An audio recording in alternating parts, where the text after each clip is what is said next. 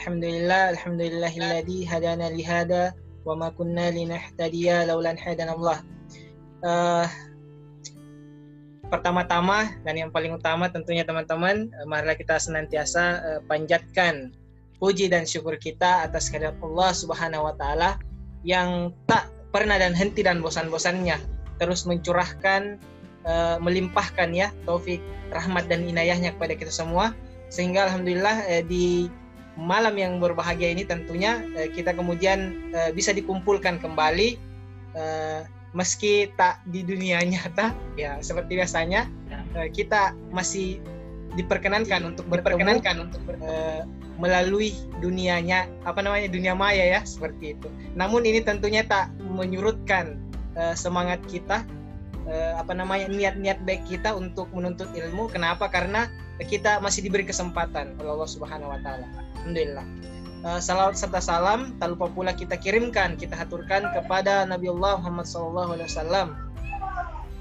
Uh, seorang panutan, suri teladan, uh, seorang revolusioner sejati yang kemudian uh, telah menghantarkan kita ya, menghantarkan kita menuju puncak peradaban seperti itu.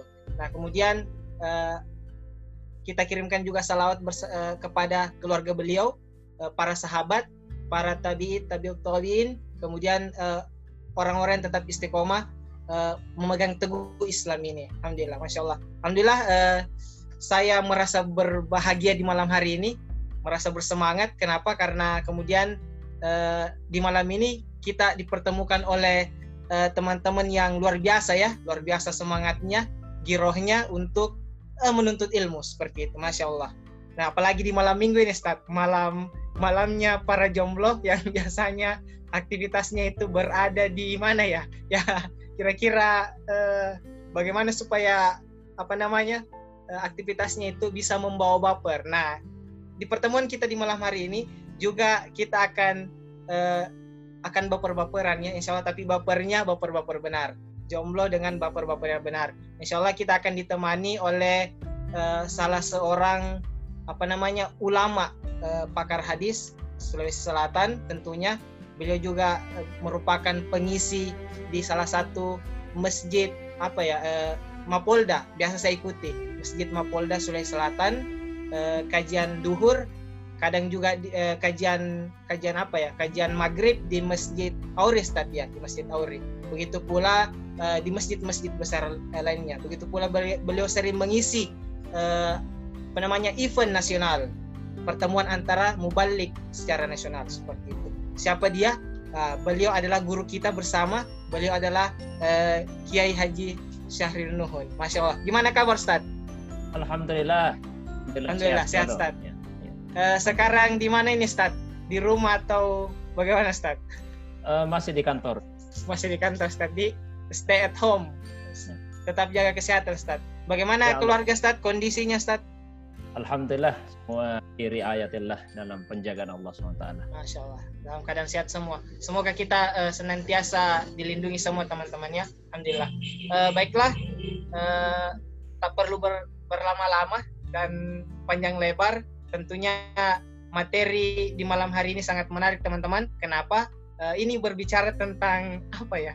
Ini sebenarnya diri saya juga ya seperti itu. Apa itu? Tentang jomblo ini kalau kita uh, apa namanya flashback ke dua materi sebelumnya itu berkaitan dengan uh, apa namanya fobia uh, tentang uh, tentang nikah nah, bagi seorang jomblo ada juga bagaimana kemudian uh, sesi taaruf dan lain sebagainya ini kemudian menjadi uh, apa ya uh, perasaan dan apa namanya sekelumit uh, permasalahan dimiliki oleh seorang jomblo. Mungkin itu saya juga ya seperti karena kita sama-sama jomblo. Alhamdulillah kita ditemani oleh apa namanya Kiai Zarin Nuhun di malam hari ini. Mungkin Stad bisa dibuka uh, di malam hari ini, mungkin bisa dibuka di awal dengan uh, membahas sebenarnya apa sih uh, apa namanya uh, permasalahan dan uh, apa namanya kepenatan yang dihadapi oleh jomblo pada umumnya Ustaz. Mungkin bisa dimulai Ustaz, persilahkan Ustaz. Fali tafadhal masykur. Silahkan Ustaz. Bismillahirrahmanirrahim. Assalamualaikum warahmatullahi wabarakatuh. Waalaikumsalam warahmatullahi wabarakatuh. Alhamdulillah rabbil alamin wal aqibatu lil muttaqin wala udwana illa 'alal zalimin. Wassalatu wassalamu ala asrafil anbiya'i wal mursalin sayyidina wa habibina wa syafi'ina wa maulana Muhammadin wa ala alihi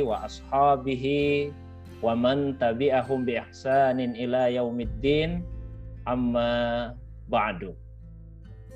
Para ahbab sekalian yang semoga kita semua senantiasa dicintai oleh Allah Subhanahu wa taala semoga kita semua disatukan dalam kecintaan kepada Allah Subhanahu wa taala dalam kecintaan kepada Rasulullah Sallallahu Alaihi Wasallam, dalam kecintaan kepada agama, dalam kecintaan kepada siapa saja yang mencintai Allah dan mencintai Rasulnya, dan dalam kecintaan kepada semua amalan yang bisa mendekatkan kita kepada cinta Allah Subhanahu wa taala. Tentu kita semua sangat bersyukur kepada Allah Subhanahu wa taala karena pada malam hari ini kembali kita dipertemukan oleh Allah Subhanahu wa taala meskipun ya fisik kita berada di tempat yang berbeda-beda tapi semoga hati kita semua senantiasa dipertemukan oleh Allah, disatukan oleh Allah Subhanahu wa taala dalam kecintaan kepada agamanya. Ya, salawat dan begitu pula salam semoga senantiasa Allah curahkan pada kekasih kita Rasulullah Muhammad Sallallahu Alaihi Wasallam. Begitu pula kepada keluarga beliau, pada para sahabat, pada para pengikutnya yang senantiasa istiqamah menghidupkan sunnah Nabi Sallallahu Alaihi Wasallam. Satu di antara sekian banyak sunnah Nabi tersebut, seperti yang telah juga pernah saya sampaikan pada edisi yang sebelumnya, karena kajian kita malam hari ini adalah kajian yang ketiga pada serial Halka Cinta. Ya, jadi malam ini adalah halka yang ketiga. Nah, sebelumnya telah juga saya sampaikan bahwa satu di antara sekian banyak sunnah Nabi SAW tersebut adalah menikah. Nabi SAW bersabda, an nikahu sunnati, paman rogiba an sunnati, falaisa minni Menikah itu adalah sunnahku. Maka barang siapa yang membenci, yang tidak senang, yang ingin berpaling dari sunnahku, maka dia bukan bagian dari golongan saya. Sunnah yang dimaksud oleh Rasulullah Sallallahu Alaihi Wasallam di dalam hadis tersebut bukanlah sunnah menurut pengertian ulama fikih.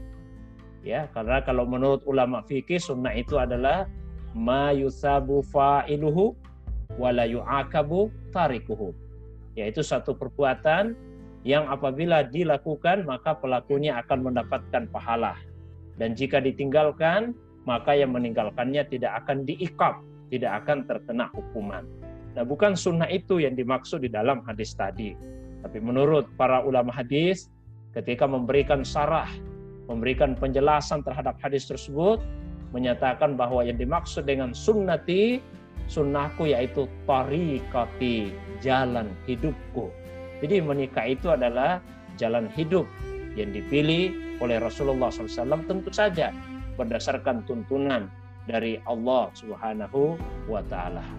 Karena itu insya Allah pada hal cinta yang edisi yang ketiga malam hari ini tema yang akan kita bahas yaitu apa salahnya dengan jomblo.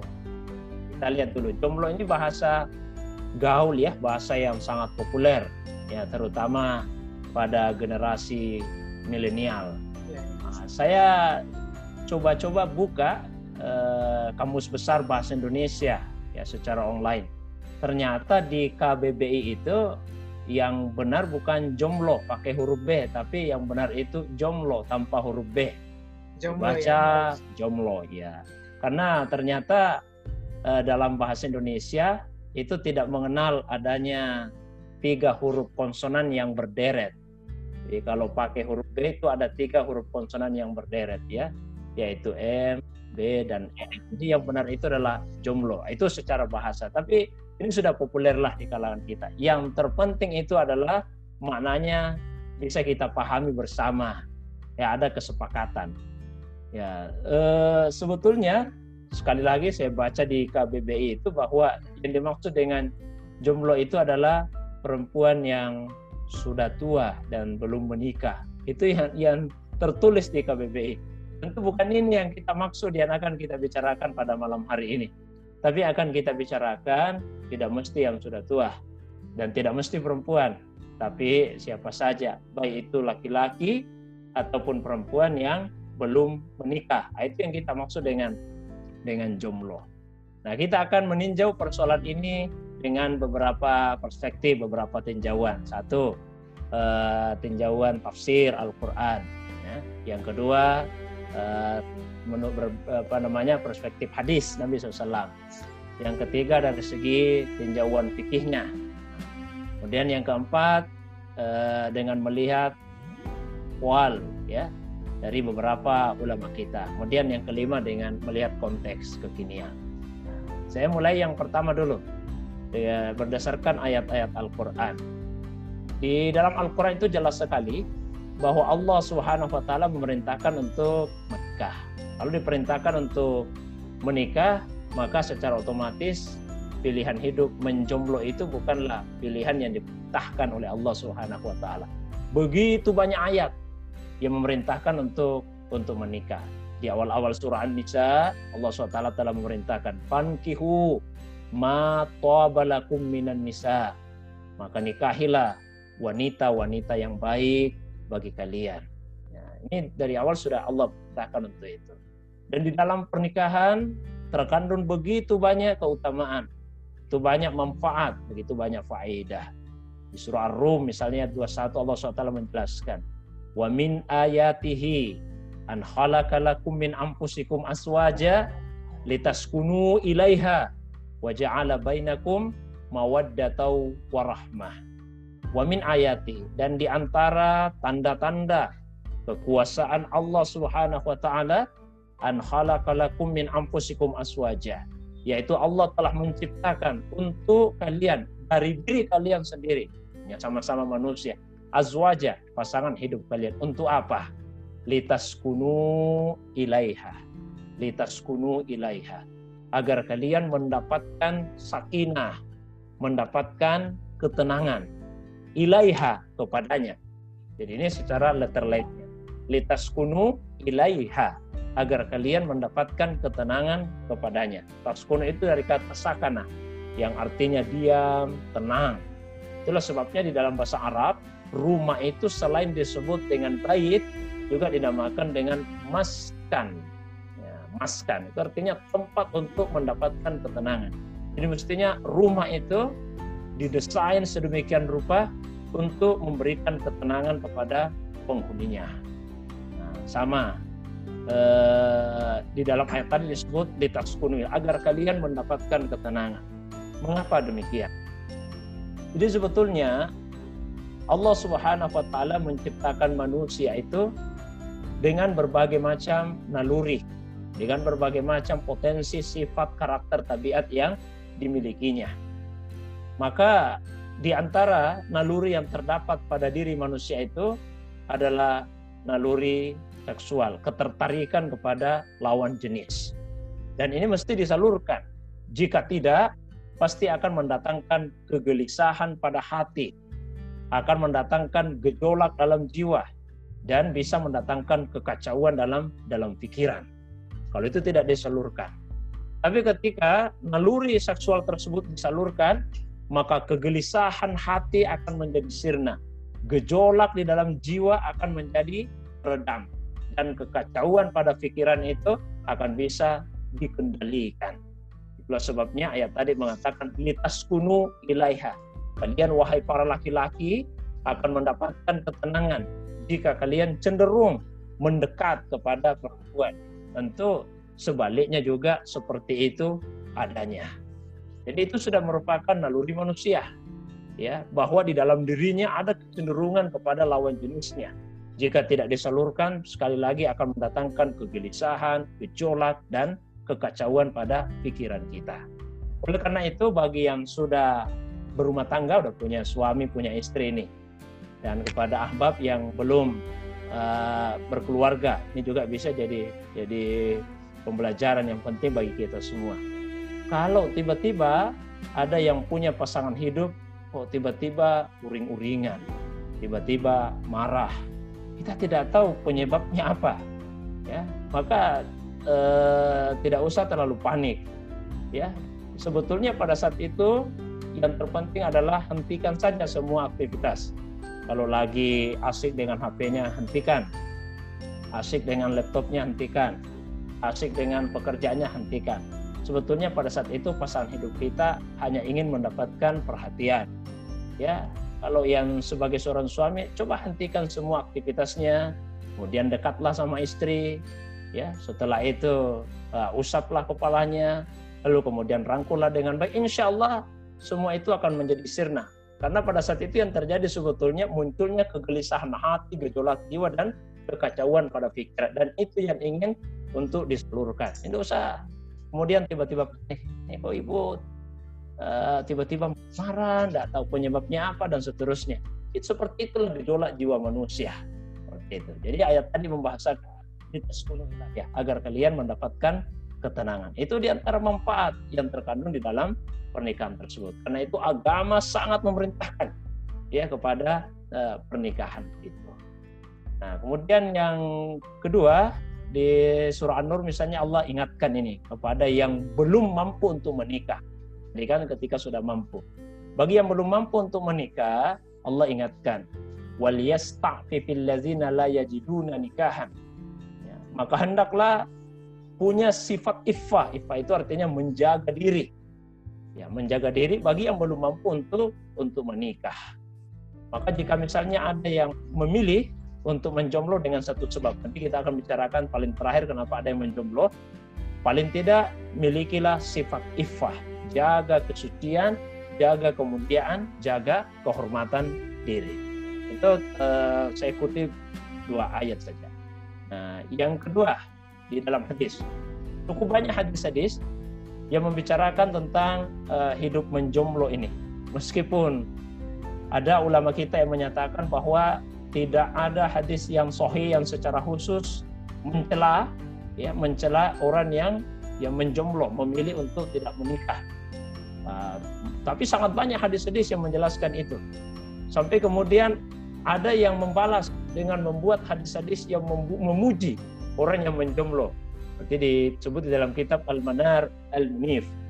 Maka ulama mengatakan tidak ada hadis pada dua sisi. Tapi saya coba bacakan beberapa hadis tersebut, baik yang yang dinilai taib maupun yang dinilai sahih. Misalnya ada sebuah hadis di mana Rasulullah SAW uh, ah, bersabda, La sarurata fil Islam. La sarurata fil Islam. Sarura itu artinya atabatul wa tarkun nikah. Mengisolasi diri dan memilih untuk tidak menikah, meninggalkan pernikahan. Nah, Nabi mengatakan tidak ada sarura dalam Islam. Tidak ada sikap hidup mengisolasi diri, memilih untuk tidak untuk menikah. Hadis ini diriwayatkan oleh Imam Ahmad, juga diriwayatkan oleh Imam Abu Dawud, kemudian didaifkan oleh uh, Al-Albani, Syekh Al-Albani dan juga didaifkan oleh Syuaib Al-Arnaud. Tapi hadis yang sama juga diriwayatkan oleh Imam Al-Hakim dalam kitab Al-Mustadraknya dan beliau berkata, "Hadzal hadisu sahihul isnad." Hadis ini adalah hadis yang sahih dari segi sanatnya. Nah, itu uh, penilaian dikemukakan oleh Imam Al-Hakim. Jadi dalam Islam itu dilarang untuk uh, sarurah, untuk uh, memilih membujang ya memilih untuk menjadi seorang jom jomblo itu hadis yang terdapat di dalam uh, beberapa kitab yang saya bacakan tadi ada hadis yang lebih dalam tanda kutip ya lebih sadis lagi nih sebetulnya untuk jomblo ya meskipun sejak awal saya sampaikan bahwa hadis ini oleh beberapa ulama dinilai sebagai uh, hadis yang yang doif saya akan jelaskan secara singkat tentang uh, letak kedaifannya itu. Saya bacakan dulu, saya sampaikan dulu hadisnya. Diriwayatkan oleh banyak ulama kita, di antaranya di dalam kitab Ustaz Ahmad Ibnu Hambal. sifat sifatnya itu adalah cerita. Yang bercerita adalah Abu Zar al-Ghifari. Ceritakan dakhala ala Nabi SAW rajulun yuqalu lahu Akaf. Pernah ada seorang laki-laki yang bernama Akaf menemui Rasulullah SAW. Faqala Nabi SAW. Kemudian Rasulullah SAW bertanya, Ya Akaf, alaka zaujah? Hai Akaf, apa kamu udah punya istri? Kata Akaf, la, belum ya Rasulullah. Waqala wala jariyah. Terus Nabi bertanya lagi, kalau budak perempuan? Akaf menjawab, la, tidak ada juga ya Rasulullah. Karena dulu di masa Rasul, penyaluran eh, hasrat seksual itu ada dua caranya. Yang pertama kepada istri dan yang kedua kepada milkul yamin. Hanya untuk saat ini kan tidak ada milkul yamin, tidak ada budak, tidak ada hamba sahaya. Maka penyalurannya itu ya hanya kepada istri saja. Nah ini Nabi tanya pada sahabatnya tadi yang bernama Akab, kamu punya istri tidak? Kata Akab, tidak ada ya Rasulullah. Kalau budak perempuan ada tidak? Ada ya Rasulullah. Wa anta bi khairin musir, tapi sebetulnya kondisimu baik-baik saja, artinya kondisimu lapang bisa untuk menikah. Kata Akab, wa ana bi khairin musir. Iya ya Rasulullah. Kadang saya lapang baik. Saya mampu untuk untuk menikah. Nah, apa kata Nabi? Kata Nabi, anta min ikhwani syayatin. Kalau begitu kamu termasuk saudaranya setan. Ini kata Nabi. Jadi kalau begitu kamu termasuk saudaranya setan. Lau kunta minan nasara, seandainya kamu orang Nasrani, kunta min rohbaniyatihim. Kamu termasuk pendeta-pendetanya. Ya, seperti kita ketahui bahwa eh, dalam agama Nasrani itu ya sebagainya bahwa pendeta itu kan tidak boleh untuk untuk menikah. Makanya kata Rasul seandainya kamu ini orang Nasrani akak, kamu sudah jadi pendetanya. Nah, lalu Nabi lanjutkan, ini min, min sunnat nikah. Termasuk sunnah saya itu akak, yaitu untuk menikah. Lalu Rasulullah melanjutkan, ini agak keras ya bagi para jomblo ini. Syirarukum uzzabukum. Yang paling buruk di antara kalian yang hidup di dunia yaitu para jomblo. Ini hadis riwayat Ahmad ini. Jadi syirarukum uzzabukum. Nah, yang paling buruk di antara kalian di dunia adalah yang jomblo. Itu di dunia. Nabi lanjutkan lagi. Wa arazilu amwatakum amwatikum kemudian yang paling hina kematiannya di antara kalian uzzabukum yang jomblo juga. Jadi sudah paling buruk di dunia, paling hina lagi kematiannya. Ini hadis riwayat riwayat Ahmad. Nah, lalu kemudian Akab berkata, kalau begitu Rasulullah nikahkan saya. Maka Nabi kemudian menikahkannya dengan seorang perempuan yang bernama Karima binti Kulsum al-Himyari. Ya, saya sampaikan tadi hadis ini memang dinilai dhaif oleh beberapa ulama. Tapi dia terdapat dalam banyak sekali kitab-kitab hadis, banyak sekali kitab-kitab hadis kedaifannya itu kalau menurut uh, Suhaib al-Arnaud itu disebabkan adanya rawi yang majhul, ada rawi yang tidak dikenal. Karena hanya disebutkan seorang laki-laki dari seorang laki-laki dari Abu Zar al-Ghifari. Itu yang membuat dia daib. Tapi dia sebetulnya terdapat di kitab-kitab yang lain, kitab-kitab yang lain dengan jalur yang berbeda. Ya meskipun ulama kita tidak tidak menilai bahwa bisa terangkat statusnya. Tapi paling tidak ini bisa menjadi satu warning lah satu peringatan bagi kita bahwa ternyata menjomblo itu sesuatu yang yang buruk. Ya sesuatu yang buruk. Uh, ikhwah yang semoga dirahmati dimuliakan oleh Allah Subhanahu wa taala. Yang berikutnya kita masuk kepada perspektif fikihnya ini, tinjauan fikihnya. Uh, menjomblo itu kan lawan dari menikah. Jadi kalau ada orang yang memilih untuk menjomblo berarti e, secara otomatis dia memilih untuk tidak tidak menikah. Kalau ada yang memilih untuk menikah berarti secara otomatis dia memilih untuk tidak menjomblo. Maka kalau kita ingin melihat apa hukumnya menjomblo, kita lihat saja hukum menikah itu apa. Ulama kita berbeda pendapat dalam menetapkan hukumnya menikah. Yang paling keras dalam mazhab Zahiriyah Pelopornya itu adalah Abu Dawud Az-Zahiri. Menurut Abu Dawud Az-Zahiri, menikah itu hukumnya wajib. Hmm. Paling tidak sekali dalam seumur hidup. Ya, paling tidak sekali di dalam seumur hidup pernah menikah. Meskipun, mohon maaf ini tidak sampai melakukan hubungan seksual. Yang jelas pernah akad nikah meskipun hanya sekali. Nah, ini pendapat mazhab Zahiriyah. Mazhab ini memang terkenal sangat tekstual Ya, dalam memahami hadis itu sangat tekstual sifatnya. Nah, ada juga ulama kita yang berpandangan bahwa menikah itu mubah saja, hukumnya boleh-boleh saja. Tapi pendapat mayoritas ulama, ya baca mayoritas ulama fikih itu berpendapat bahwa menikah itu hukumnya sunnah. Jadi menikah itu hukumnya adalah sun, uh, sunnah. Nah, sesungguhnya kita bisa merinci hukum pernikahan tersebut menjadi lima. Jadi kadang-kadang menikah itu uh, bisa jadi sunnah, bisa terangkat jadi wajib, bisa menikah itu sebaliknya jadi makruh, bisa menjadi haram, dan bisa mubah saja. Menikah itu hukumnya sunnah bagi orang yang sudah mampu menikah. Dan ada kekhawatiran kalau dia tidak menikah bisa terjerumus ke dalam pernikahan, ke dalam perzinahan. Jadi kalau ada seseorang yang seperti ini, seorang laki-laki atau seorang perempuan, dia mampu menikah. Dia mampu menikah. Dan ada kekhawatiran kalau tidak menikah, dia terjerumus ke dalam pernikahan, mohon maaf, mohon maaf. Tidak ada kekhawatiran, ya, tidak ada kekhawatiran itu hukumnya tunda saja. Kalau ada kekhawatiran, hukumnya jadi wajib. Jadi kalau tidak ada kekhawatiran terjerumus dalam persinahan, hukumnya sunnah. Tapi kalau ada kekhawatiran, maka hukumnya menjadi menjadi wajib. Nah, sehingga kalau ada seseorang yang memilih menjomblo, padahal dia mampu menikah dan dia khawatir sekali kalau saya tidak menikah bisa-bisa saya terjerumus ke dalam pernikahan, karena dia hidup tinggal di lingkungan yang pergaulannya sangat bebas. Lalu dia memilih untuk menjomblo, maka itu artinya dia telah berdosa karena meninggalkan apa yang wajib baginya. Nah, tapi di sisi lain menikah bisa jadi makruh. Menikah bisa menjadi makruh. Kapan itu? Menikah itu menjadi makruh ya apabila uh, tidak akan mampu melaksanakan apa yang menjadi kewajibannya tapi pasangan hidupnya bisa menerima keadaan dirinya. Katakanlah misalnya ada seorang laki-laki, Oma, tidak akan bisa juga uh, memenuhi hasrat seksual istrinya, ya, karena dia katakanlah punya penyakit impotensi misalnya.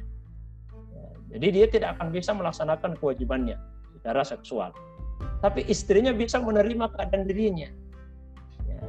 Karena katakanlah misalnya istrinya juga sudah tua, tak terlalu memperhatikan lagi persoalan seksual tersebut. Makruh bagi laki-laki itu untuk menikah. Menjadi haram apabila pasangan hidupnya tidak bisa menerima keadaan dirinya. Jadi kalau ada seorang laki-laki tidak akan mampu juga untuk melaksanakan kewajibannya sebagai suami, apalagi perempuan yang dia nikahi, perempuan yang nikahi tidak akan bisa menerima keadaan dirinya, ah, maka tentu dia mesti memilih untuk menjomblo saja. Jangan menikah karena haram menikah bagi orang yang seperti ini. Kemudian menikah itu mubah saja bagi orang yang tidak terlalu besar juga keinginannya untuk menikah. Tapi di sisi lain ada juga penghalangnya kalau dia mau menikah. Yang seperti ini maka hukumnya menjadi mubah baginya. Itu lima hukum pernikahan. Jadi sebaliknya juga berlaku eh, bagi yang memilih untuk menjomblo. Nah, yang keempat, Eh, kita lihat ya pandangan beberapa uh, ulama kita ya berkaitan. Sebetulnya para sahabat dulu kalau ketemu satu sama lain itu selalu saling memotivasi, saling memotivasi supaya menikah dan jangan hidup membujang, jangan menjomblo. Nah, misalnya suatu waktu Ibnu Abbas ketemu dengan Said Ibnu Jubair. Lalu kemudian uh, Ibnu Abbas bertanya kepada Said, Said, kamu sudah menikah? Kata belum. Kata Abdullah bin Abbas, tazawwaj menikahlah. Fa inna khaira hadhil ummah aksaruha nisa. Menikahlah. Karena sungguh sebaik-baik umat ini yang paling banyak istrinya. Ini ada di Sahih Bukhari. Ada di Sahih Bukhari. Ini eh, Abdullah bin Abbas menyatakan kepada sah, kepada Said ibn Jubair, tazawwaj menikah. Ya, menikah. Fa inna khaira hadhil ummah karena sungguh sebaik-baik umat ini aksaruhan nisa, yang paling banyak istrinya. Sahih Bukhari. Nah, kemudian Ibnu Mas'ud, sahabat yang lain ini pernah berkata, seandainya ajalku tersisa 10 hari, jadi tinggal 10 hari lagi saya akan meninggal. Dan di hari yang terakhir itu saya akan meninggal, saya tetap akan menikah. Karena mengkhawatirkan fitnah. Bahkan dari Abu Hurairah itu eh, lebih lagi beliau katakan, seandainya ajalku tinggal satu hari, jadi besok saya sudah mau meninggal ini. Maka hari ini pun saya tetap akan menikah. Ya, karena mengkhawatirkan fit, fitnah tersebut. Itu pandangan dari uh, beberapa ulama kita. Bahkan seperti yang dikutip juga oleh Ibnu Qudamah, penulis kitab Al-Mughni, beliau mengutip pernyataan dari Imam Ahmad Ibnu Hambal yang pernah berkata, "Laisatil usubatu min amril islami fi ya. Sesungguhnya hidup menjomblo itu bukanlah bagian dari ajaran Islam. Wa man da'aka ila ghairi tazawwuj, kalau ada orang yang mengajakmu untuk tidak menikah, faqad da'aka ila ghairi Islam. Maka sungguh dia telah mengajakmu kepada yang selain Islam.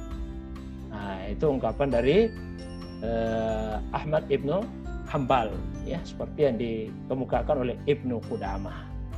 Nah, beliau ini seorang ulama dalam mazhab Hanabilah. Nah, kemudian ada kitab dan itu mazhab Hanabilah, sama mazhab Syafi'i, kitab I'anatul Talibin. Kitab itu diceritakan pernah ada orang soleh diminta untuk menikah, dinasihati untuk menikah, tapi dia tidak mau.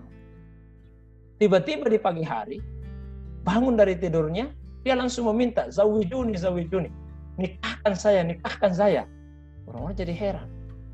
Yang berkali-kali udah dinasihati untuk menikah, tidak pernah mau menikah. Tiba-tiba terbangun, mau menikah. Maka ditanya, ada apa sebetulnya? Beliau kemudian bercerita, saya pernah bermimpi, saya bermimpi di malam, saya bermimpi. Saya seakan-akan berada di suatu waktu di mana kiamat itu sudah sudah terjadi. Jadi begitu mencekamnya keadaan tersebut, saya merasa sangat kehausan sampai sepertinya leher saya akan putus ini karena karena kehausan. Begitu juga orang-orang lain saya lihat semua uh, dalam keadaan kehausan. Lalu tiba-tiba datanglah anak-anak yang membawa kendi, kendi tempat air itu, kendi yang terbuat dari perak dan ditutup dengan kain yang berasal dari cahaya. Banyak anak-anak. Lalu kemudian dia bagi-bagi air minum pada orang-orang tersebut. Maka saya kemudian meminta juga. Minta juga, ayo berikan saya. Ya, saya juga merasa sangat kehausan. Tapi kata anak-anak itu, tidak ada di antara kami ini yang merupakan anak-anakmu. Ada. Jadi kami tidak bisa memberikan padamu. Kami hanya memberikan kepada orang tua kami. Maka orang saleh tadi bertanya, siapa sebetulnya kalian ini? Mereka menjawab, kami ini adalah anak-anak dari orang yang beriman. Karena itu supaya punya anak, ya maka tentu satu-satunya salurannya adalah melalui pernikahan. Itulah satu-satunya saluran agar kita punya anak yaitu melalui pernikahan. Dan bukankah Rasulullah SAW telah memerintahkan tazawwaju al-wadud al-walud fa inni mukasir bikumul umat. Menikah kalian, menikah dan pilih pasangan hidup yang wadud, punya sifat kasih sayang dan walud, siap untuk memberikan banyak anak yang yang subur. Ya, itu ya. Nah, terus ada ulama yang lain lagi. Ini seorang ulama sufi sangat terkenal namanya Ma'ruf Al-Qurhi. Ma'ruf Al-Qurhi. Dia seorang ulama sufi. Pernah ada seseorang yang mendatangi beliau dan mengatakan, "Wahai Imam, ajari saya tentang cinta." Beliau kemudian menjawab, "Cinta itu tidak akan pernah datang hanya dengan dipelajari." Nah, artinya bukan dengan teori-teori saja, tapi dengan uh, pengalaman hidup baru kita kemudian tahu betul tentang apa itu cinta. Nah, suatu waktu ada seseorang yang bermimpi bertemu dengan Ma'ruf al-Qurhi ya, di dalam di dalam mimpinya itu. Waktu itu Ma'ruf al-Qurhi sudah sudah meninggal ya. Nah, maka ditanyalah beliau, "Ma sana Allahu bi?" Ma sana Allahu bi? Apa yang Allah SWT lakukan kepadamu? Nah, maka beliau kemudian menjawab abahani al jannah. Allah membolehkan saya untuk masuk ke dalam surga. Gaira anna fi nafsi hasrah. Hanya di dalam diriku ini ada satu penyesalan. Ada satu penyesalan besar. Tamaruk al-Qurhi, Alhamdulillah Allah izinkan saya masuk surga. Cuma ada satu penyesalan besar saya. Apa itu? Inni kharajtu minad dunya walam atazawwaj. Saya telah meninggalkan dunia ini dalam keadaan belum menikah itu yang saya sesali ya, jadi jangan sampai ahbab sekalian nanti dari kemudian ada yang menyesal ini karena tidak menikah nah, sebelum penyesalan itu datang maka menikahlah ya uh, apalagi di surga itu tidak ada yang jomblo nah, itu ada ada hadis di riwayat muslim ya jadi dalam hadis yang diriwayatkan oleh oleh Imam Muslim itu disebutkan bahwa ma fil jannati a'zab ma fil jannati a'zab Itu hadis riwayat Muslim. Tidak ada yang jomblo di dalam surga. Semua yang masuk surga itu pasti ada pasangan hidupnya, tidak ada yang jomblo. Nah, kalau di dunia kita sudah punya pasangan hidup suami istri, soleh soliha, lalu kemudian masuk surga, insya Allah dipasangkan lagi di dalam surga. Kalau ada laki-laki yang tidak ada pasangan hidupnya di dunia, sampai dia meninggal begitu, kalau dia masuk surga, insya Allah dipasangkan dengan bidadari. Kalau ada perempuan yang tidak ada pasangan hidupnya di dunia, sampai dia meninggal, insya Allah kalau dia masuk surga dipasangkan dengan laki-laki soleh. Ya. Jadi intinya semua pasti punya pasangan di dalam surga. Kalau kita memahami surga itu tempat untuk mendapatkan kenikmatan, maka itu artinya punya pasangan hidup itu satu kenikmatan. Karena itu Allah tidak membiarkan ada yang jomblo di surga. Jadi mestinya kita betul-betul menyadari bahwa pernikahan itu adalah satu kebahagiaan, satu kenikmatan, satu kesempurnaan maka jangan memilih untuk menjomblo. Nah, tapi supaya fair, supaya adil ini, eh, tadi saya kemukakan pandangan-pandangan ulama kita yang sangat menganjurkan untuk menikah. Tapi di sisi lain, memang ada beberapa ulama itu yang memilih tidak menikah. Bahkan ada kitabnya khusus, ada kitabnya. Kitab itu ditulis oleh seorang ulama besar yang bernama uh, Abdul Fattah Abu Ghuddah Abdul Fattah Abu Abu Ghuddah. Judul kitabnya Al Ulama Al Uzzab Alladzina Asarul Ilma Ala Zawaj. Al Ulama Al Uzzab Alladzina Asarul Ilma Ala Zawaj. Yang artinya ulama-ulama yang menjomblo yang lebih memilih ilmu dibandingkan untuk menikah. Ada beberapa ulama yang disebutkan dalam kitab tersebut. Di antaranya seperti Ibnu Jarir At-Tabari. Beliau penulis kitab tafsir, tafsir At-Tabari. Kemudian yang sangat terkenal ini yaitu Imam An-Nawawi. Imam An-Nawawi. Beliau kalau mungkin yang kitab-kitab yang kecil-kecil ya rata-rata kita familiar lah dengan kitab Al-Arba'in An-Nawawi. Kumpulan 42 hadis. Hadis-hadis induk di dalam agama yang dihimpun oleh Imam An-Nawawi. Beliau juga punya kitab mustalah hadis ya namanya kitab Taqrib An-Nawawi. Kemudian sarah terbaik terhadap Sahih Muslim juga ditulis oleh Imam An-Nawawi, Syarah An-Nawawi. Nah, beliau itu memilih untuk tidak menikah. Beliau memilih untuk tidak menikah. Pertimbangannya apa? Pertimbangan ilmu. Tapi penting untuk dipahami bahwa ini adalah maslak saksi. Pilihan hidup yang sifatnya personal. Ya, bukan untuk untuk kita ikuti. Ini sifatnya personal. Allah berikan posira kepada mereka lebih memilih ilmu. Nah, oleh karena itu tadi Imam Ahmad mengatakan Wa man da'aka ila ghairi tazawwuj faqad do'aka ila ghairi Islam. Kalau ada yang mengajakmu mendorongmu untuk tidak menikah itu sudah mengajakmu kepada yang bukan Islam. Artinya kalau memilih untuk menjomblo karena pertimbangan seperti para ulama tadi, ya paling tidak jangan ngajak-ngajak orang lain lah. Apalagi sampai membuat komunitas-komunitas jomblo misalnya. Tidak usah buat komunitas seperti itu. Ya, untuk diri sendiri saja, saksi sifatnya sifatnya yang personal saja. Itu pun pertimbangannya misalnya salah satunya karena uh, lebih ingin mencurahkan waktu untuk ilmu. Nah, ada orang yang memilih menjomblo tapi tidak ada juga karya-karyanya dalam dalam ilmu. Kalau seperti Imam An-Nawawi, Ibnu Jarir, mereka memilih untuk menjomblo karena ingin menghasilkan karya-karya yang berkualitas. Dan dalam tafsir ada dalam kitab hadis. Ini udah udah buku tipis saja tidak ada karyanya. Saya memilih untuk untuk menjomblo. Nah, menarik lagi. Saya tertarik itu ketika membaca kitab tadi disebut nama Imam An Nawawi kemudian saya coba membaca sarahnya penjelasan An Nawawi terhadap Sahih Muslim karena tentu di dalam kitab-kitab Sahih Muslim itu banyak hadis-hadis yang menjelaskan mengenai pernikahan. Nah, ketika membahas mengenai uh, hukum menikah, Imam An Nawawi membagi manusia itu menjadi empat kategori. Saya baca di Syarah An Nawawi karena penasaran gimana sebetulnya pandangan beliau sampai tidak menikah ini. Nah, Imam An Nawawi membagi manusia itu menjadi empat kategori. Ditinjau dari segi keinginan dan kemampuan.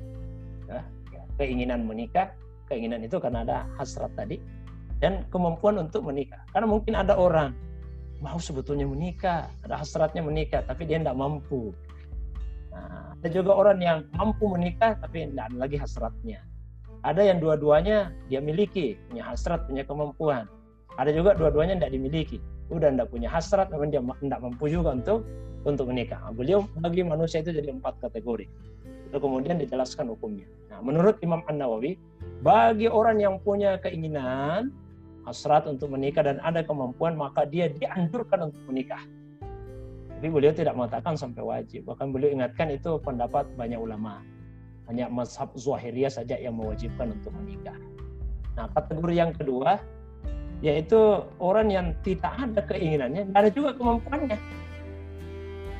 Tidak ada keinginan, tapi tidak ada kemampuan. Makruh dia menikah. Tidak disukai menikah. Nah, artinya kalau makruh menikah lebih baik dia menjomblo saja. Kalau tidak ada keinginan menginginkan, tidak ada hasratnya, tidak ada juga memang kemampuannya, udah menjomblo saja lah.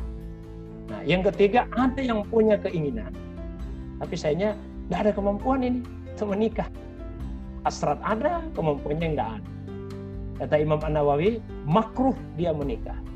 Tapi ada lanjutannya. Kita yang kedua. Kalau yang yang kedua tadi hanya dikatakan makruh, yang ketiga ini baru katakan makruh dan dia dianjurkan puasa dia anjurkan puasa. Kalau yang kedua puasa jomblo Ustaz. Iya, puasanya orang jomblo. Kalau yang kedua itu tidak ada ya, pembahasan beliau dianjurkan puasa karena tidak ada juga hasratnya. Tapi yang ketiga ini karena ada hasrat secara seksual, cuma dia tidak mampu, makruh menikah dan dia dianjurkan dia untuk ber, berpuasa. Sekarang ini yang yang keempat ini. Ada kemampuan sebetulnya, tapi tidak ada hasratnya. Yang lebih utama mana? lebih utama menikah atau lebih utama menjomblo.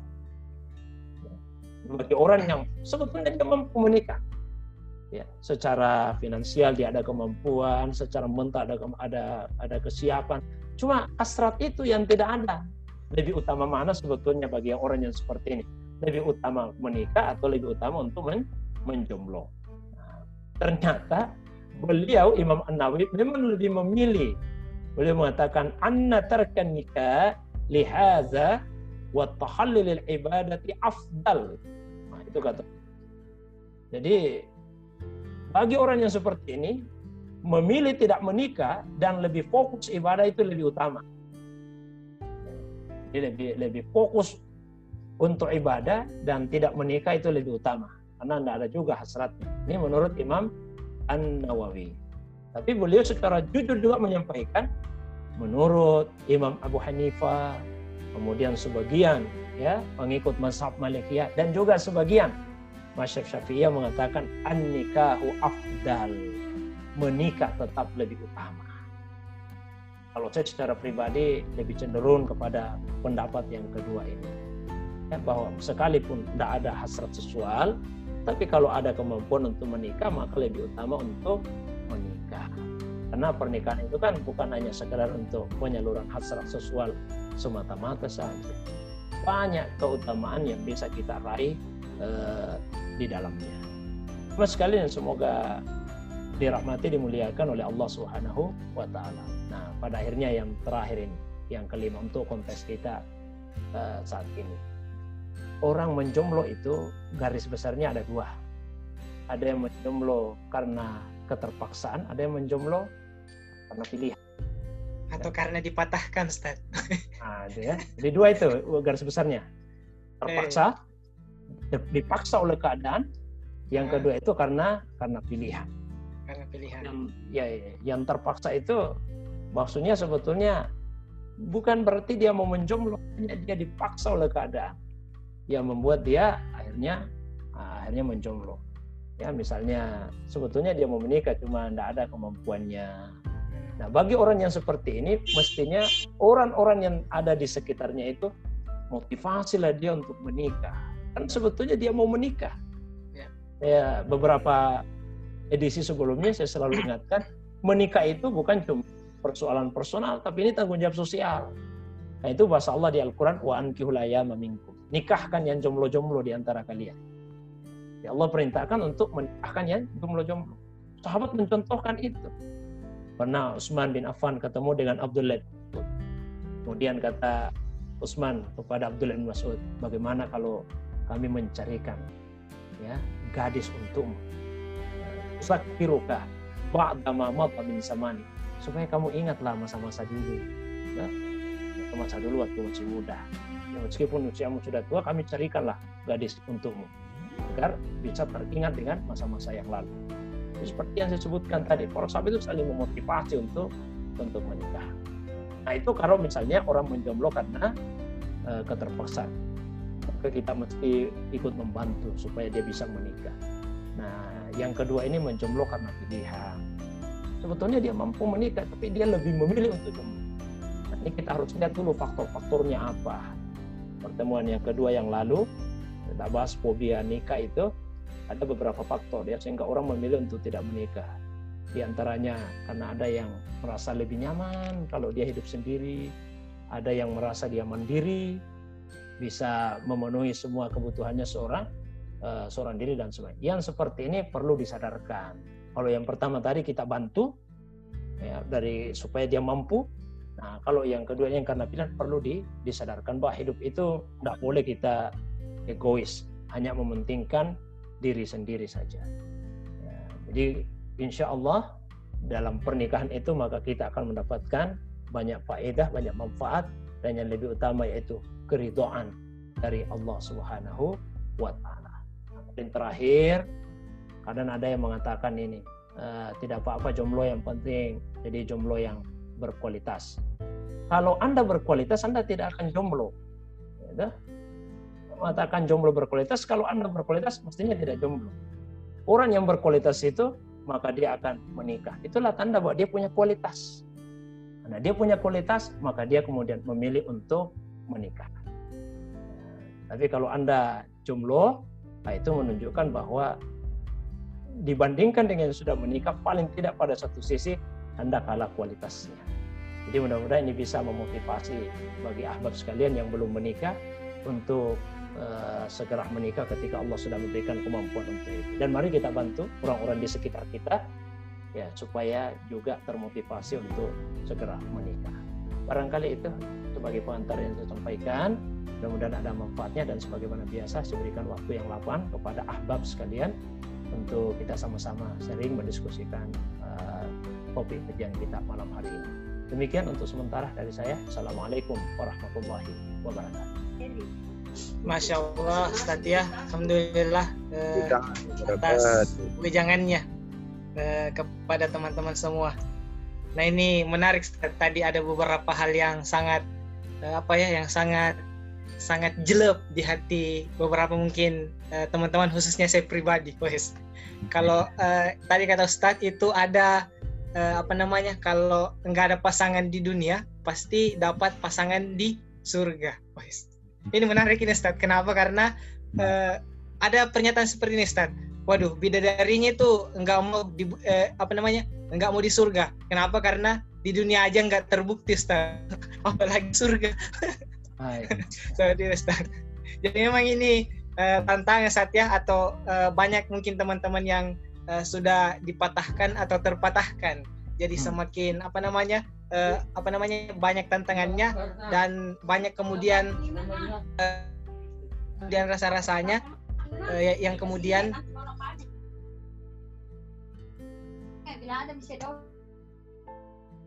kalau ya uh, banyak rasa rasanya yang kemudian sehingga dia karena terpatah ah lebih baik memilih uh, untuk menuntut ilmu saja padahal kemudian seperti Ustaz banyak uh, apa namanya kendala-kendalanya. Nah, ini sangat menarik teman-teman ya. Uh, saya lihat semakin menjelang malam ini teman-teman semakin banyak yang join.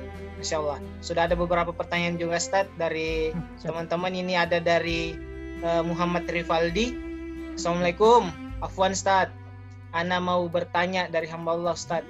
Uh, bagaimana Ustaz jika ada seorang ikhwan yang ingin menikah tapi terkendala karena pemahaman orang tua itu kurang yakin dengan si dia. Nah, nah ini uh, artinya ada ketidak antara kedua belah pihak. Nah, ortu itu orang tua itu takut bila setelah menikah apa yang mau ia berikan kepada calon istri nanti. Ibaratnya masalah nafkah, Ustaz. Kamu ini mau nikah ya anak orang nanti kamu kasih makan apa? Kasih makan batu? Kayak gitu. Ya, ya sorry Ustaz.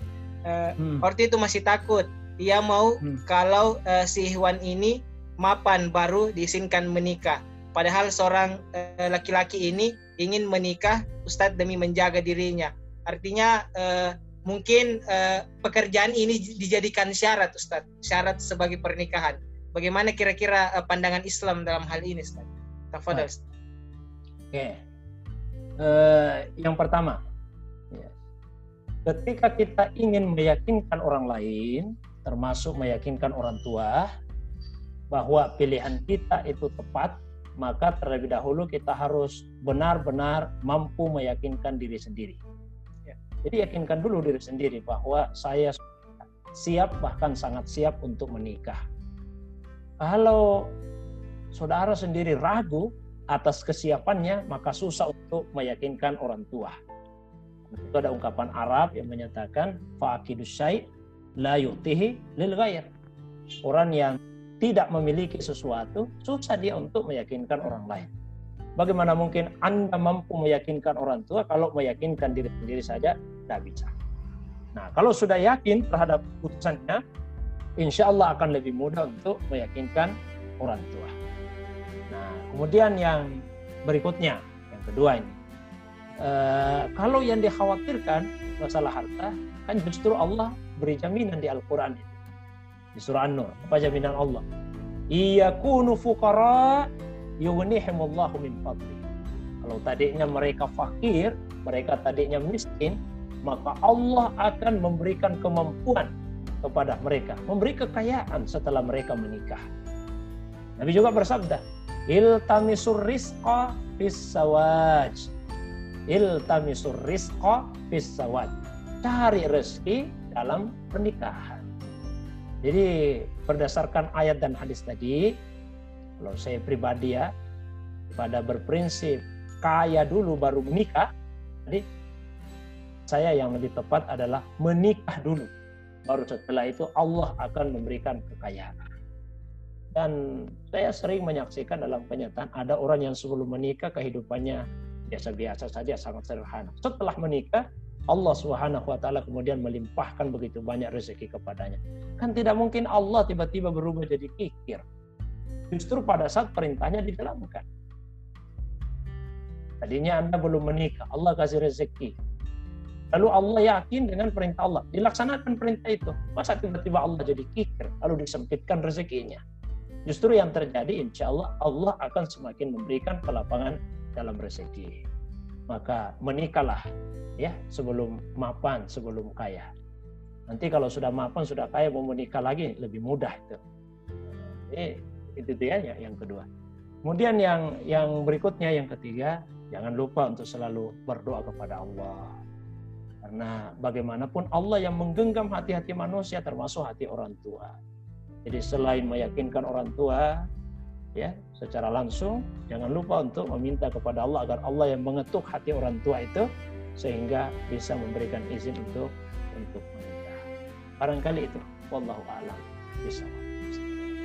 Jadi teman-teman uh, intinya kita harus memberikan yang terbaik kepada orang tua, memperlihatkan ya, uh, memperlihatkan bahwasanya kita sudah pantas. Nah seperti itu. dan juga bahwasanya menikah itu uh, apa namanya mapan itu tidak menjadi syarat kalau kata Ustadz tadi, tapi uh, banyak hal yang lebih utama yang lainnya. Nah, seperti itu. Nih Ustadz, ini saya lihat semakin malam uh, semakin uh, banyak pertanyaan Ustadz. Juga kalau saya lihat pesertanya ini hampir 98, berapa ya? Itu kayaknya jomblo semua Ustaz. Jadi ya. Uh, ya Masya Allah. Jadi kira-kira sesuai Ustaz dengan temanya ya. Seperti itu. Nah, uh, ini ada pertanyaan dari uh, Ukti Aisyah. Hmm. Afwan Ustaz, uh, pertanyaan saya, apakah salah bagi yang jomblo baper, terbawa perasaan dengan kemesraan orang lain? Jika salah, bagaimana Ustaz untuk menghindarinya Afwan Stad. Mungkin ini uh, beliau ini sering melihat eh, postingan-postingan uh, pasangan uh, apa ya? Katakanlah pasangan-pasangan muda-mudi baru yang katakanlah nikah muda seperti saat apalagi kalau kita lihat uh, banyak saat ini artis-artis hijrah yang kemudian uh, apa namanya? mempertontonkan ya uh, memperlihatkan bahwasanya nikah muda seperti itu. Gimana mungkin seperti ini Ustaz tanggapannya? Tafadhal Ustaz. Baik. Baik. Manusia itu diberikan oleh Allah taala perasaan, selain diberikan juga pikiran. Maka kalau seseorang itu baper, bawa perasaan, itu wajar saja. Justru tidak wajar kalau perasaannya tidak dibawa-bawa. Ya, hanya perasaan ini dibawa diarahkan ke mana, itu yang menentukan. Apakah dibawa kepada sesuatu yang positif atau dibawa kepada sesuatu yang negatif. Kalau misalnya dibawa kepada sesuatu yang positif, maka itu tidak salah. Justru mestinya seperti itu. Contoh, ada yang masih jomblo, kemudian melihat ada yang sudah menikah, ya romantis, kemudian pernikahannya terlihat bahagia, ya kita hanya menilai yang nampak saja. Kalau yang tersembunyi kan kita tidak tidak tahu itu yang tahu hanya Allah. Nahkum bizawahir wallahu yatawalla sawaid. Kita hanya bisa menilai berdasarkan yang kelihatan saja. Yang tersembunyi itu urusan Allah. Nah, mungkin kita terbawa perasaan melihat hal itu. Tiba kepada yang positif. Positifnya bagaimana? Positif kepada diri, positif pada yang kita lihat positif kepada diri memotivasi kita untuk juga menikah dan bisa meneladani bagaimana keromantisan orang yang dilihat itu. Positif kepada yang dilihat, kita doa mudah-mudahan yang nampak seperti yang tidak nampak. Karena seperti yang saya sampaikan tadi, mungkin ada yang terlihat romantis di luarnya saja, tapi sebetulnya ketika di balik panggung tidak seperti itu adanya. Nah kita bawa perasaan kita kepada yang positif. Positif ke diri, motivasi supaya kita bisa meneladani yang terlihat dan positif kepada yang dilihat supaya betul-betul seperti itu keadaannya. Yang salah apa? Kalau bapernya itu perasaannya dibawa diarahkan kepada yang negatif. Yang negatif seperti apa? Kita jadi iri. Lalu menggiba orang, bergosip. Nah, itu yang yang keliru. Allah ingatkan di Al-Qur'an, "Wala tatamannu ma faddalallahu bihi ba'dakum 'ala ba'd." Jangan kalian berangan-angan bercita-cita merasa iri dengan karunia kelebihan yang Allah Subhanahu wa taala telah berikan kepada sebagian kalian atas sebagian yang yang lainnya. Nah, di situ salahnya. Apalagi kalau kemudian eh, mau mencari-cari kesalahannya orang, ada tetangga kelihatan romantis, perasaan kita negatif. Sepertinya tidak seperti ini yang aslinya. Akhirnya kasakusu cari-cari informasi maka Allah ingatkan dalam Al-Quran, Ya ayuhalladzina amanu, ijtanibu katsiran minadh. Inna ba'dadh dhanni ismun. Wa la tajassasu wa la ba'dukum ba'da. Hai orang-orang yang beriman, jauhilah banyak prasangka. Sesungguhnya sebagian prasangka itu dosa. Dan jangan tajassus mencari-cari kesalahan orang. Dan jangan sampai sebagian kalian meneribah menceritakan kekurangan saudaramu kepada yang lain. Ada tiga yang dilarang dalam ayat tadi. Satu, dilarang untuk prasangka buruk. Yang kedua, dilarang untuk tajassus, cari-cari kesalahan orang. Yang ketiga, dilarang untuk menceritakan kekurangan sebagian kepada yang lain. Dan ini disebut berstruktur, karena biasanya itu terjadi juga secara terstruktur. Dimulai dulu dari prasangka buruk. Kalau orang sudah punya prasangka buruk, biasanya tidak senang kalau cuma prasangka akhirnya mulai kasakusuk, cari-cari informasi ke sana kemari. Begitu dapat info ternyata benar, biasanya tidak puas kalau cuma seorang diri yang tahu. Maunya disebarkan di seluruh grup, ya grup apa namanya WhatsApp, medsos yang dia, yang dia punya, disebarkan di uh, anggota pengajiannya, dirjennya dan sebagainya. Nah karena itulah ada tiga perbuatan tadi itu Allah sebut secara terstruktur. Jadi untuk pertanyaan tadi, baper itu boleh, jar, terpuji kalau diarahkan kepada sesuatu yang baik. Tapi kalau diarahkan kepada yang tidak baik, maka baper itu menjadi sesuatu yang keliru. Barangkali itu, wallahu a'lam. Jadi eh, teman-teman baper nggak salah ya. Apalagi kalau bapernya itu kita maknai dengan bawa perubahan, maka akan semakin uh, luar biasa seperti itu. Nah, uh, ini menarik Stad, uh, karena kalau kita lihat belakangi, belakangan ini itu kan banyak kemudian saudara-saudara kita yang kemudian katakanlah dari kalangan artis yang alhamdulillah saat ini sudah memulai proses hijrahnya dan kemudian apa namanya tiba-tiba katakanlah ada yang beberapa orang di antaranya itu kemudian melangsungkan yang namanya pernikahan. Nah, uh, ini kita sebagai muslim uh, menyikapinya bagaimana Ustaz? Apakah ini bagian dari provokasi ataukah ini adalah motivasi untuk uh, teman-teman milenial semua? Tafadhol Ustaz. Baik. Uh, tentu saja yang paling mengetahui niat itu adalah Allah pelakunya itu sendiri. Ya, bagi pelakunya. Nah, bagi kita yang melihat, maka selalulah berusaha untuk melihat dari sisi positifnya. Jangan selalu melihat pada hal-hal yang negatif. Kalau misalnya ada public figure yang menampakkan keromantisannya, jangan kita berpikiran yang negatif. Berpikirlah secara positif. Nah, bagi yang belum menikah ketika melihat oh ini idola saya ya ternyata sudah menikah dan harmonis, antis pernikahannya, kita merasa terprovokasi dalam tanda kutip, terpro, terprovokasi ke arah kebaikan untuk mengikuti, itu baik. Yang tidak baik itu sekali lagi kalau kita selalu memberikan penilaian yang yang tercelah, itu yang tidak baik. Barangkali itu Allah bisa. Masya Allah, luar biasa teman-teman ya eh, penjelasan dari Ustadz kita sangat eh, mencerahkan tentunya. Ini eh, masih banyak pertanyaan Ustadz. Kita lanjut dari saudari kita yang bernama Dama Yunita. Baik. Assalamualaikum warahmatullahi wabarakatuh, Ustaz. Waalaikumsalam. Syukron, jazakumullahu khair untuk Ki Haji Zahrir Nuhun dan para panitia. Semoga Allah selalu memberkahi ilmu dan diistiqomahkan dalam jalan dakwahnya. Maaf Amin. saya mau bertanya, uh, bagaimana cara ahwat menurut aturan Islam dalam ikhtiar menemukan jodoh yang baik menurut Allah, Ustaz? Tafadhal. Baik, oke ya. Bagus ini ikhtiar ya dalam uh, menemukan jodoh.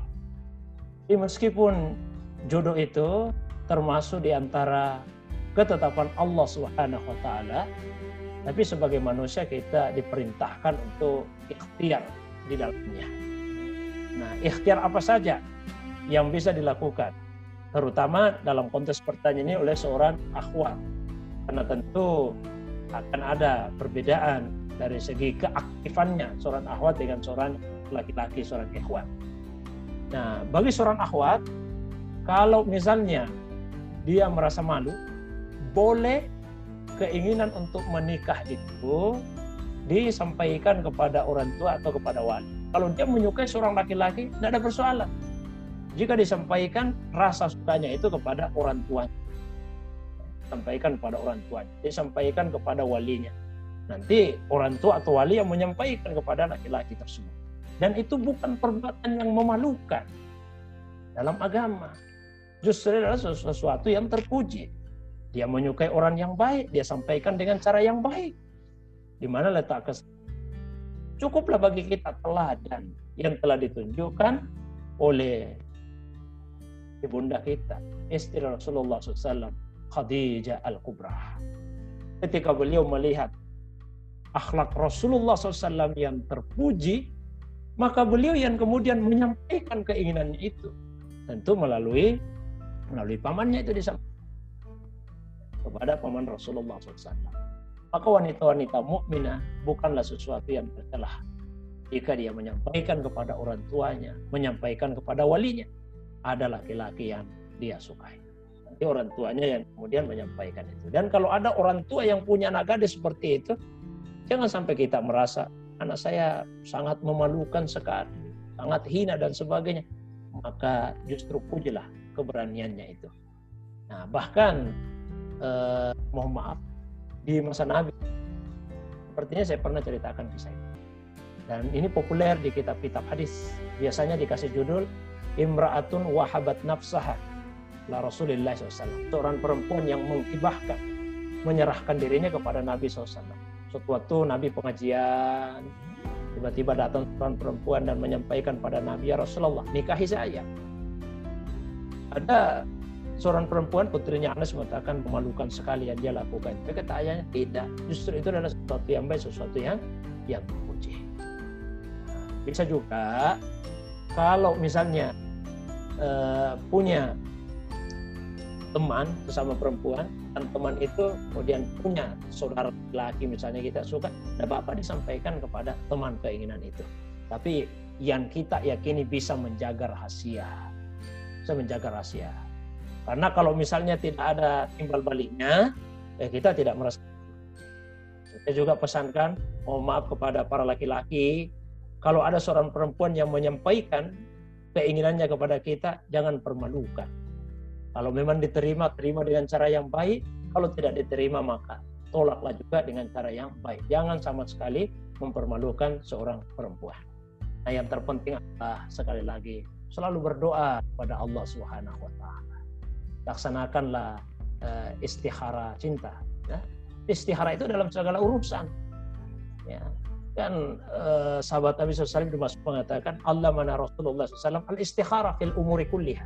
Nabi ajari kita itu istihara dalam segala urusan ya termasuk masalah cinta, masalah jodoh. Ya biasa istilahkan ini istihara cinta.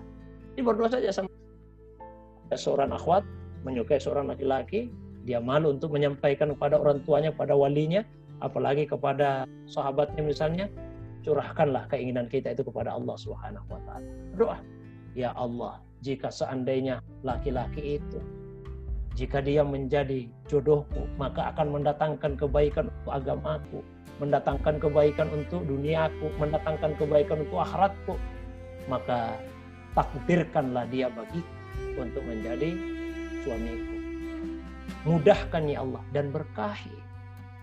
Tapi jika sekiranya jika ia menjadi jodohku akan mendatangkan keburukan untuk agamaku, duniaku, akhiratku, palingkan dia dariku ya Allah. Jauhkan dia dari pikiranku ya Allah, dari perasaanku. Dan jauhkan juga saya dari pikiran dan perasaannya. Dan gantikan dengan yang lain ya Allah, yang jauh lebih baik. Dan buat saya ridho dengan apa yang menjadi pilihanmu jadi saya ikut dan kita semua ya mendoakan pada di Dama Yunita ya. Mudah-mudahan ada keinginannya untuk itu semoga insya Allah ditakdirkan oleh Allah, dimudahkan oleh Allah dan diberkahi amin, amin. oleh Allah Subhanahu wa taala. Amin ya rabbal Amin. Masya Allah. Jadi eh, teman-teman menawarkan diri itu uh, bukan suatu kehinaan ya, bukan suatu uh, hal yang memalukan, tapi itu adalah bagian dari kemuliaan dan tentunya uh, akan dan pastinya mendapatkan pahala seperti itu. Masya Allah. Uh, lanjut lagi, uh, Stad ini ada pertanyaan. Waduh, luar biasa banyak pertanyaan nih Stad. Selanjutnya dari Muhyiddin. Uh, bagaimana cara memotivasi uh, saudara yang sebenarnya mampu untuk menikah, tapi dia sangat penyabar Terima kasih banyak sebelum dan sesudahnya Pak Kiai dan panitia. Ya, baik. Uh, kalau saya tidak salah ini itu sahabat saya dulu nih waktu di madrasah ini di mana ya ini dari Majene. Iya, alhamdulillah. Semoga oleh Allah SWT. Saya Sampai kenal kenal betul namanya. Iya. Jadi gini ya, uh, bagaimana cara memotivasi saudara yang sebenarnya mampu tapi sangat penyabar. Mungkin yang dimaksud ini pendiam. Jadi kadang-kadang di masyarakat kita itu kalau ada orang pendiam, tidak banyak bicaranya, kita katakan dia penyabar. Maksudnya bukan sabar itu, tapi pendiam. Karena kalau sabar itu akhlak terpuji, akhlak terpuji. Ya, sabar itu tiga dimensinya. Satu, asabru al ta'ah, sabar melakukan ketaatan Ya, kalau ada orang rajin sholat malam, rajin baca Quran, rajin zikir, rajin ikut kajian, tiap malam minggu ikut kajian halqa ini, itu orang sabar, sabar dalam ketaatan. Yang kedua, sabar anil maksiyah, sabar menjauhi uh, maksiat. Karena kita punya hawa nafsu itu kan selalu mengajak kita kepada kemaksiatan. Butuh kesabaran untuk itu. Dan yang ketiga, sabar indal musibah. Sabar ketika ditimpa satu musibah. Ini akhlak terpuji. Beda dengan pendiam. Kadang-kadang kalau ada orang yang diam, nggak bicara kita katakan, ih sabar sekali. Bukan sabar itu sebetulnya, tapi pendiam. Gimana cara memotivasi saudara kita yang pendiam? Sehingga karena diamnya itu kita tidak tahu apa sebetulnya keinginan di dalam hatinya. Jadi begini saja, kalau kita susah untuk komunikasi secara verbal, secara lisan, maka istilahnya kita langsung skat itu kita langsung sodorkan. Ini ada nama-nama, perlu ini ada foto-fotonya ini. Sekian banyak orang. Yang mana yang kamu sukai? Nanti kami yang lamarkan dan seterusnya. Ini langsung dikasih solusi, dikasih pilihan. Nah, bahkan kalau masih diam-diam juga ditunjukkan saja. Bagaimana kalau yang ini? Kalau sudah diam, kembalikanlah kepada kaidah as-sukutu ya dulu ala ridho. Diam itu menunjukkan tanda bahwa dia sudah ridho, dia sudah bisa menerima apa yang kita pilihkan tersebut. Nah, itu di antara yang bisa dilakukan ketika ada saudara, sahabat kita yang uh, pendiam sehingga kita tidak tahu persis apa yang ada di dalam hatinya. Barangkali itu wallahu alam bisawab. Saya lagi nih uh, salam ya tuh sahabat saya nih Muhyiddin Dalam. Kali tidak pernah ketemu 20 tahun lebih. Salam. Kan? Ya. Masya Allah, Akhirnya dipertemukan di forum yang sangat luar biasa ya di malam hari ini. Salam takzim kepada Pak Muhyiddin yang ada di Majene, kata Pak Kiai, insya Allah.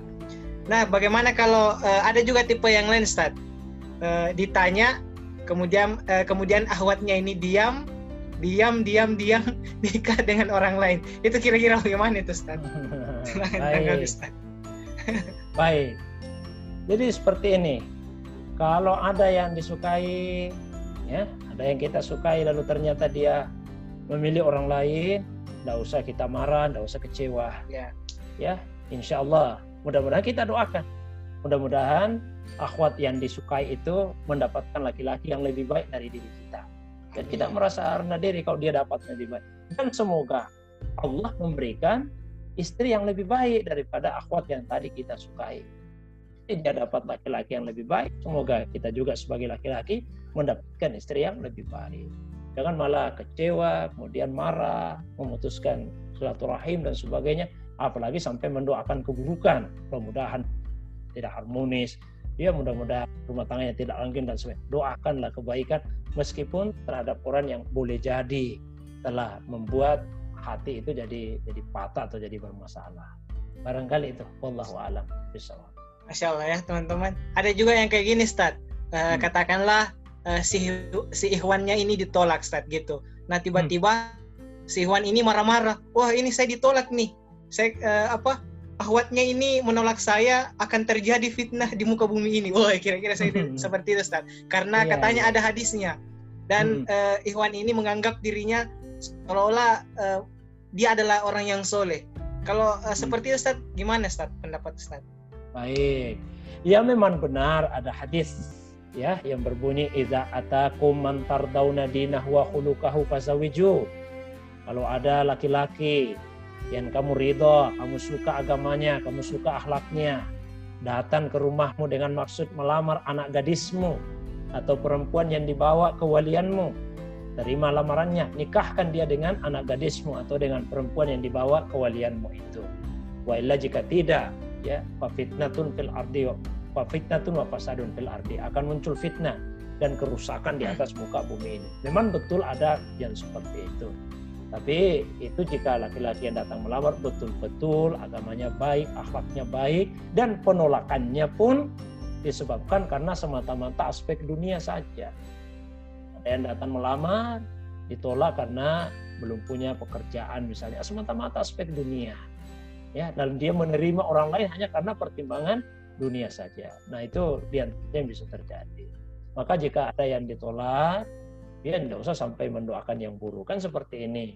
Dia menentukan baik dan buruknya sesuatu itu kan bukan peristiwanya bukan kejadiannya. Tapi yang menentukan baik buruknya sesuatu adalah cara kita menyikapi peristiwa itu. Ya ada dua orang sama-sama uh, melamar melamar seorang gadis. Lamaran keduanya diterima. Belum tentu itu menjadi baik bagi keduanya tentu jadi yang menentukan apa bukan peristiwa diterimanya lamaran itu. Tapi yang menentukan adalah cara keduanya menyikapi. Ketika orang pertama dia menyikapi diterimanya lamarannya dengan rasa syukur kepada Allah. Lalu kemudian dia berusaha untuk betul-betul mematangkan diri. Belum masuk ke jenjang bahtera rumah tangga. Ya.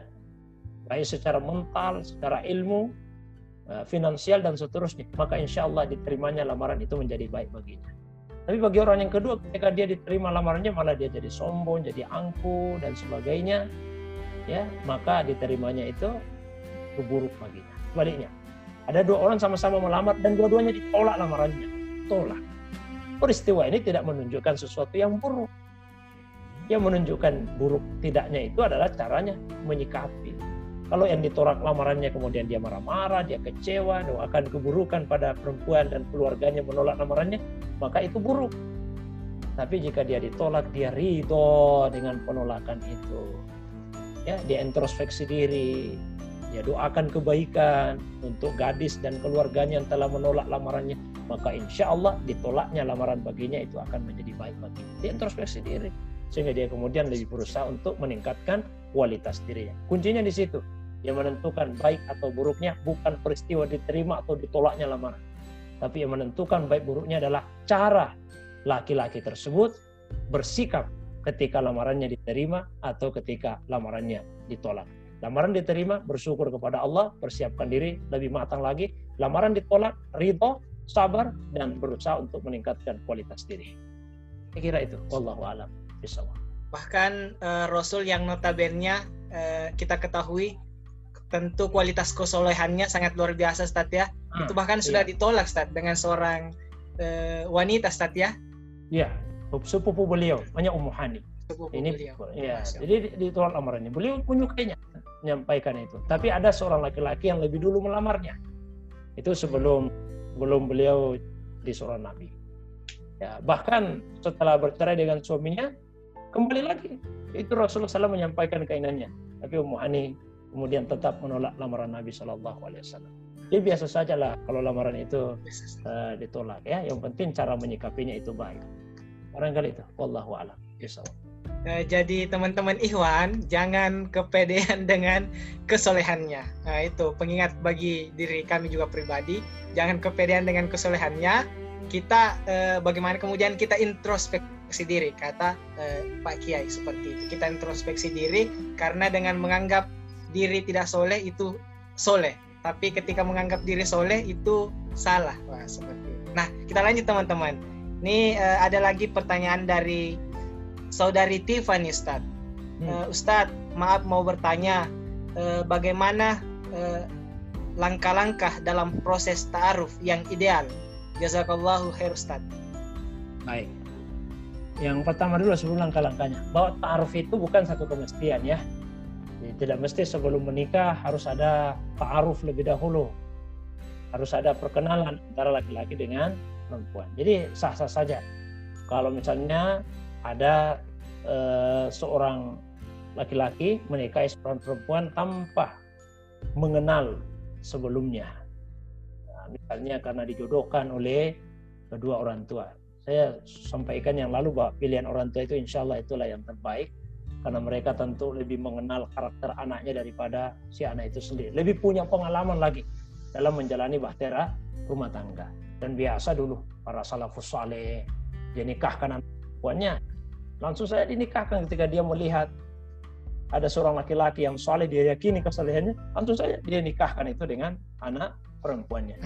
Insya Allah uh, bukan karena cinta itu maka bahtera rumah tangga akan menjadi langgeng, tapi dengan keimanan kepada Allah Subhanahu wa taala. Kalau laki-laki itu laki-laki yang benar-benar beriman kepada Allah, ketika dia mencintai istrinya, maka dia akan sangat memuliakannya, sangat menghormatinya. Tapi jika rasa cinta itu pun misalnya belum muncul, dia tidak akan pernah menzalimi, tidak akan pernah menganiaya istrinya. Ini bukan karena cinta, tapi karena iman kepada Allah Subhanahu wa taala. Tapi kalau memilih untuk taruh itu juga tidak salah. Dan uh, beberapa sahabat pun mencontohkan hal tersebut. Kita bisa mengenal. Tapi dijaga adab-adabnya ya, jaga adab-adabnya. Tidak boleh berdua-duaan saja. Kalau berdua-duaan saja, nah itu namanya keluar dan itu dilarang keras dalam agama.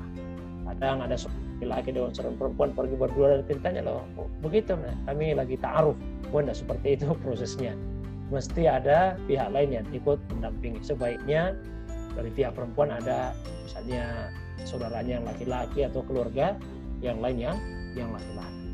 Kemudian yang berikutnya proses taruh itu belum masuk sama sekali kepada proses pernikahan sehingga tidak menghalalkan apa yang diharamkan. Ya, jangan sampai karena sudah ta'aruf misalnya, kemudian muhma sudah merasa bisa pegang-pegang tangan dan sebagainya, ya sudah merasa bisa untuk foto berdua dan seterusnya. Ini belum masuk kepada bagian dari uh, pernikahan tersebut.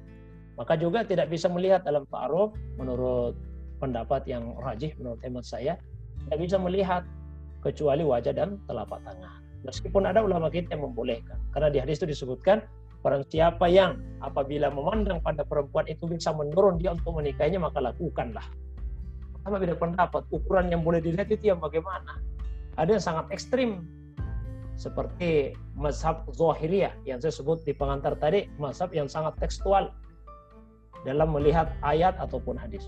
Karena hadisnya mengatakan melihat pada bagian perempuan, dia katakan semua bagian tubuh yang bisa dilihat. Wah ini tentu sangat ekstrim. Ya, pendapat yang rajin insya Allah yang bisa dilihat ya wajah dan telapak tangannya, yang bukan aurat. Karena kalau kita sudah melihat wajah itu kan sudah bisa mencerminkan sebetulnya ya bagaimana mohon maaf eh, kecantikan dari perempuan tersebut. Kita bisa melihat tangannya kita sudah bisa tergambar bagaimana kira-kira uh, kulitnya ya halus kasarnya dan sebagainya. Dari situ sudah bisa tergambar. Maka tidak usah melihat yang lain-lain. Kemudian yang berikutnya ketika sudah terjadi proses ta'aruf dan ternyata tidak berlanjut ke jenjang pernikahan, maka rahasiakanlah hal-hal yang boleh jadi kekurangan, apalagi cacat dan aib. Jangan misalnya kan melihat kekurangannya, lalu ikhwan dia cerita kepada yang saya dulu itu pernah ta'aruf tapi tidak berlanjut ke pernikahan karena perempuan itu ternyata begini begini begini itu rahasiakan saja ya, kekurangan cacat dari aib orang lain man satara aurat akhihi fid dunia satarahullahu auratahu yaumal qiyamah siapa yang tutupi kekurangan saudaranya di dunia maka Allah akan tutupi kekurangannya di hari kemudian. Barangkali itu alam. Masya ya teman-teman jadi jelas teman-teman ya e, jawaban yang ingin mungkin bertaaruf atau langsung ke proses hitbah silahkan yang jelas dalam koridor yang syar'i seperti nah e, lanjut ke pertanyaan selanjutnya dari seorang ahwat Stad dia privat e, kirimannya Afwan hmm. Stad e, anak kirim privat Ana mau bertanya, apakah boleh memaksakan diri untuk menerima lamaran seseorang meski diri belum mendapatkan ketenangan terhadap orang yang datang melamar tersebut? Tafadhal Ustaz. Baik. Sebaiknya, sebaiknya menerima lamaran itu dengan penuh kelapangan hati. Nah itu ketika ada lamaran dari seorang laki, maka istisarah bicara minta pandangan ya dari mereka yang punya ilmu, yang punya pengalaman, dari orang tua, dari mereka yang kenal dengan laki-laki tersebut. Itu istisyarah namanya. Dan istikharah minta petunjuk kebaikan kepada Allah Subhanahu wa taala. Hasil istihara itu apa? Ketenangan dan kelapangan. Kalau Allah Subhanahu wa taala sudah memberikan ketenangan hati, kelapangan, itulah petunjuk dari Allah. Kan pernah ada yang bertanya begini ke saya ya, Ustaz saya sudah istihara sampai uh, beberapa malam, tidak pernah mimpi-mimpi juga. Ada ketentuan bahwa petunjuk Allah itu harus lewat mimpi. Kan di masyarakat itu sebagian menilai bahwa hasil istihara itu diperoleh dalam mimpi. Jadi harus mimpi dulu. Oh terima lamarannya. Jangan terima lamarannya. Tidak mesti lewat mimpi hasil istihara itu adalah ketenangan batin, kelapangan jiwa. Ada yang datang melamar awalnya gelisah, ragu-ragu. Begitu sudah istihara minta pendapat sama orang, kemudian istihara hati jadi lapang. Itu petunjuk Allah. Petunjuk Allah untuk terima lamaran. Tapi kalau tetap ragu-ragu juga, maka boleh jadi Allah akan petunjuk untuk menangguhkan dulu untuk tidak menerima dulu lamaran tersebut. Jauhilah apa yang meragukan. Da'ma yuribu ila ma la yuribu. Jauhkan apa, tinggalkan yang meragukan dan beralihlah kepada apa yang uh, tidak meragukan. Tapi kalaupun misalnya tetap uh, memilih ya untuk menerima lamarannya itu juga tidak biru, hanya kita harus mempersiapkan diri dengan risiko-risiko yang terjadi. Dan jika itu yang dipilih, jangan pernah menyesali keputusan yang sudah diambil. Ya, dan pernah menyesali yang sudah berlalu. Lalu kembalikan kepada uh, Allah SWT bahwa insya Allah apa pun yang terjadi dalam hidup, kalau kita sikapinya baik, maka akan mendatangkan kebaikan pula dalam kehidupan kita. Sekali lagi pesan saya adalah usahakan agar hati tenang, jiwanya lapang, baru kemudian untuk menerima lamaran dari ikhwan tersebut. Tidak usah terlalu terburu-buru, ya barangkali itu. Wallahualam ya perlu ketenangan teman-teman ya ketenangan dan uh, hati yang lapang ah seperti itu kita lanjut saat uh, eh, pertanyaan selanjutnya ini ada banyak pertanyaan Ustaz. Saya lihat semakin malam uh, ini kelihatannya teman-teman yang jomblo ini pertanyaannya semakin banyak ini Ustaz. Luar biasa. Kita lanjut Ustaz. Awan Ustaz. Uh, dari uh, saudara Ade. Afwan hmm. Ustaz, uh, mau bertanya nih, haruskah menikah dengan yang seku uh, yang sekutu, yang sekufu? Uh, dan ya. diperbolehkankah ikhtiar ta'aruf lebih dari satu dalam satu waktu? Jazakallah Ustaz. Baik. Ya, uh, kufu itu bukan merupakan syarat kemestiannya dalam pernikahan, tapi sebaiknya seperti itu supaya uh, rumah tangga itu bisa lebih langgeng lagi. Walaupun yang menetapkan syarat sekufu itu menetapkan bahwa tidak ada sekufu yang lebih tinggi dibandingkan dengan sekufu dalam agama.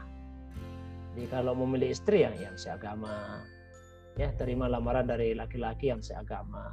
Meskipun kalau untuk wanita muslimah, ulama sepakat tidak boleh dinikahi kecuali oleh laki-laki yang muslim juga. Itu disepakati ulama.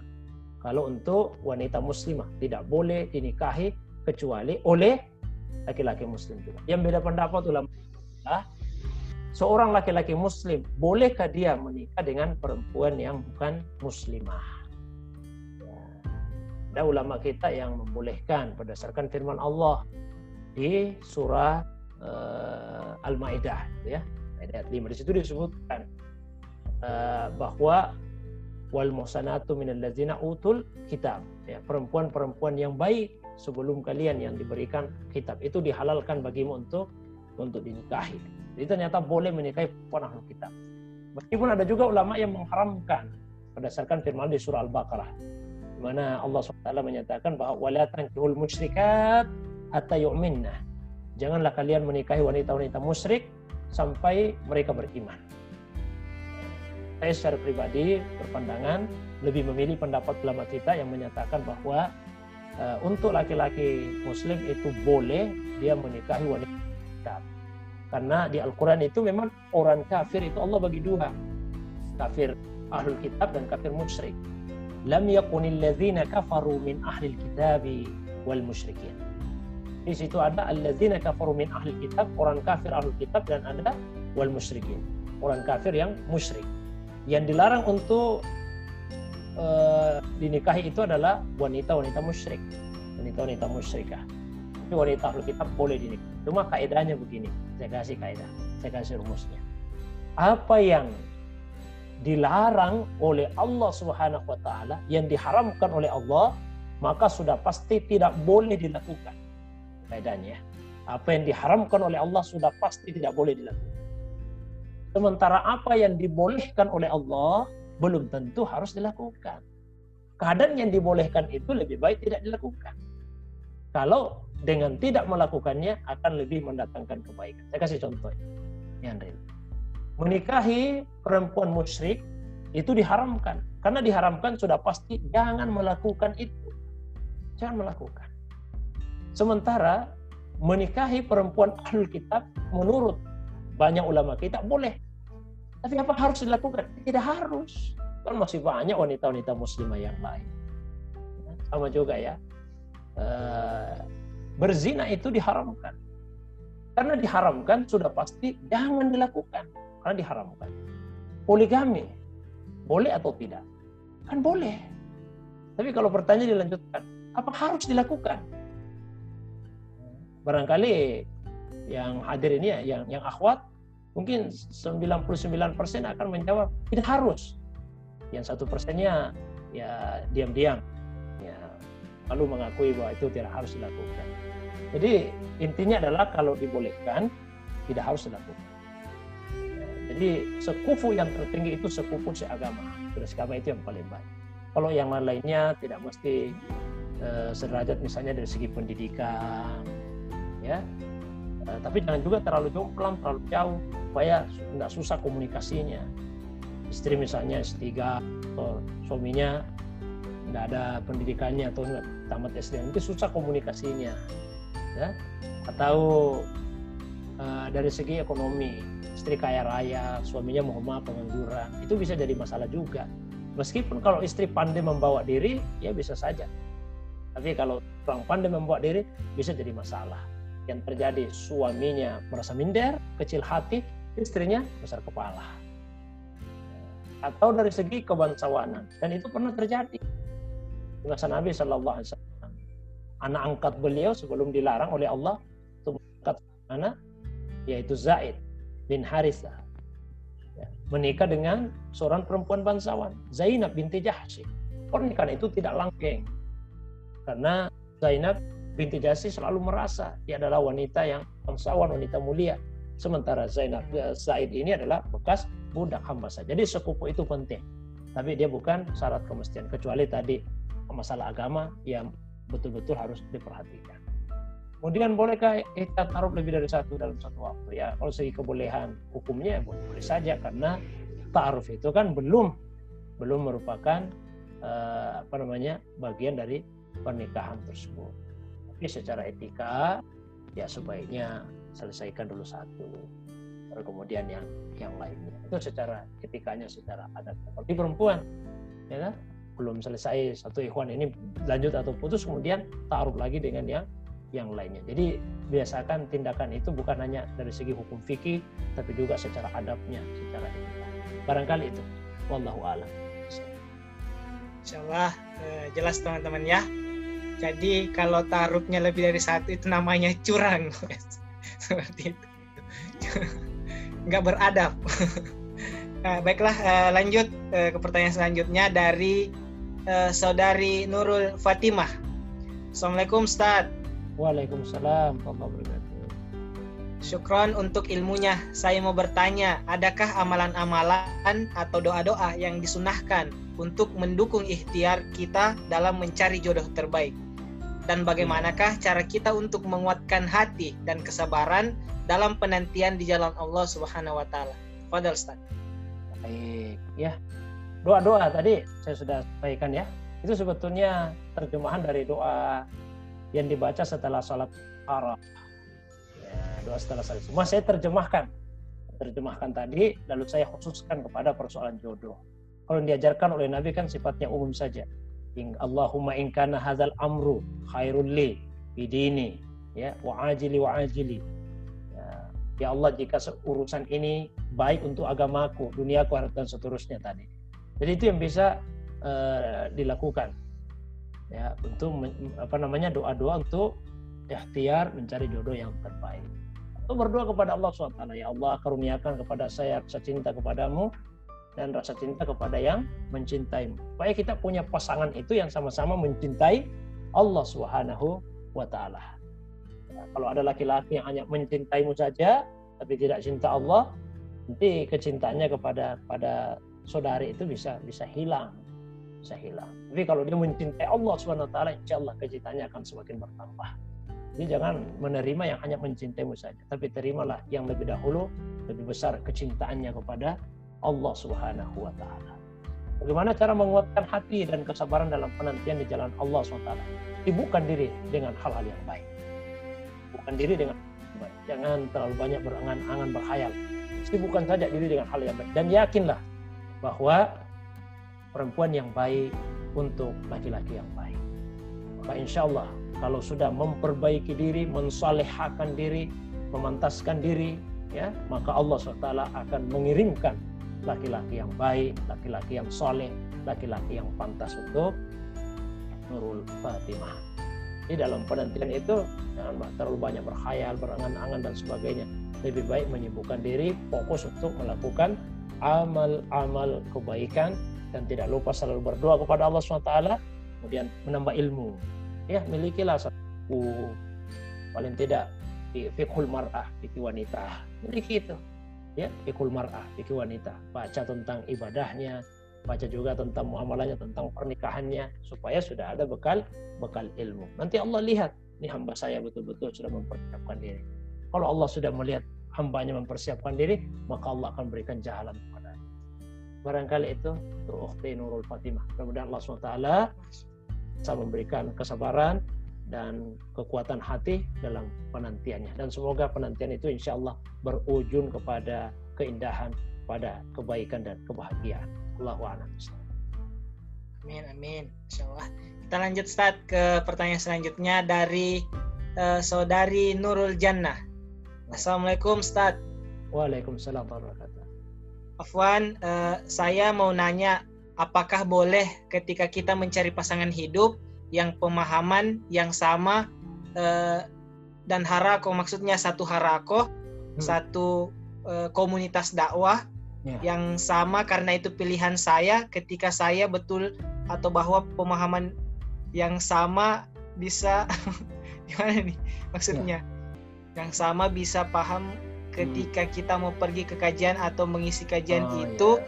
tidak dilarang malah pasangan hidup kita mendukung bagaimana tanggapan Ustadz mungkin maksudnya nih Ustadz boleh, eh, apakah sebaiknya kita eh, menikah dengan eh, pasangan satu harako satu komunitas ataukah kemudian beda komunitas eh, dan itu apakah diperbolehkan juga dan bagaimana tanggapannya Ustaz? Mungkin maksudnya seperti itu Ustaz. Iya. Ya.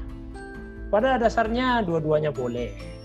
Selama laki-laki itu muslim, beda harakannya atau sama harakannya dua-duanya boleh. Mana yang lebih baik? Lihat ya.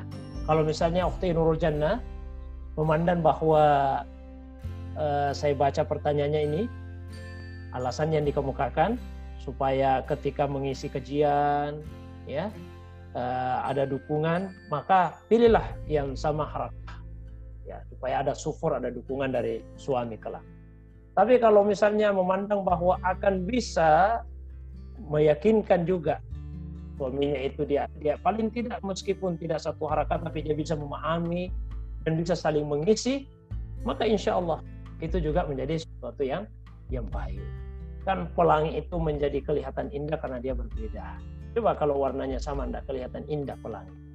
Jadi ketika beda, maka itu akan terlihat indah. Tapi perbedaan itu harus bisa diselaraskan, diserasikan. Kalau perbedaan itu ternyata mengantarkan kepada perpecahan kan tidak baik juga. Jadi ciptakanlah perbedaan yang variatif, yang sifatnya keragaman, saling komplementer, saling melengkapi. Jangan perbedaan yang kontradiktif, yang saling berlawanan. Kalau saling berlawanan susah.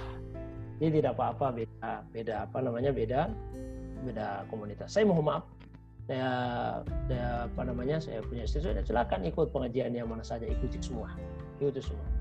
Sama semuanya itu dalam tataran uh, Islam ya. Ya ikuti saja semua. Semuanya insya Allah akan mengajak kepada kebaikan. Perbedaannya itu hanya pada titik tekannya saja fokusnya di mana. Tapi insya Allah selama semuanya bertujuan akhir untuk memperoleh ridha Allah, maka itu semuanya baik. Jadi boleh yang satu harakah, satu manhaj, boleh yang beda, Anda bisa memilih dengan melihat pertimbangan kira-kira yang mana akan lebih mendatangkan manfaat. Kalau bisa meyakinkan suami untuk saling mendukung, ah, saya kira dengan beda itu sesuatu yang sama. Tapi kalau agak susah atau butuh konsentrasi penuh full di dalam dakwanya ini yang sama, maka pilih yang uh, suami yang punya harakah dakwah yang sama pula. Barangkali itu, wallahu a'lam. ya. Jadi jelas teman-teman ya uh, penjelasan dari uh, Ustadz Syahril Nuhun. Selanjutnya Ustadz dari Mega Ayulia. Hmm. Assalamualaikum Ustadz Afwan. Uh, mau bertanya apakah apabila ada beberapa orang yang mengajukan proses untuk taruh artinya mengajak untuk berproses indikator apa saja yang digunakan untuk menilai orang tersebut. Jika yang satu taat agamanya sudah mengkaji Islam, baik dah baik dakwahnya meski belum mapan. Namun ada juga e, seorang ahlu nusroh, agamanya baik namun belum mengkaji Islam secara intensif dan belum mendedikasikan untuk dakwah. Baik, ya. Ini pilihannya keduanya baik ini pilihannya yang satu taat agama, udah kaji Islam, baik dakwanya. Persoalannya hanya dari segi kemapanan. Mungkin kemapanan dimaksud di sini secara materi ya. Ya insya Allah setelah menikah, Allah SWT akan berikan kemapanan sesuai dengan janjinya tadi. Ya kunu fukara yughnihumullah min fadlih. Jika mereka sudah menikah, maka Allah akan memberikan kekayaan dengan karunia-Nya.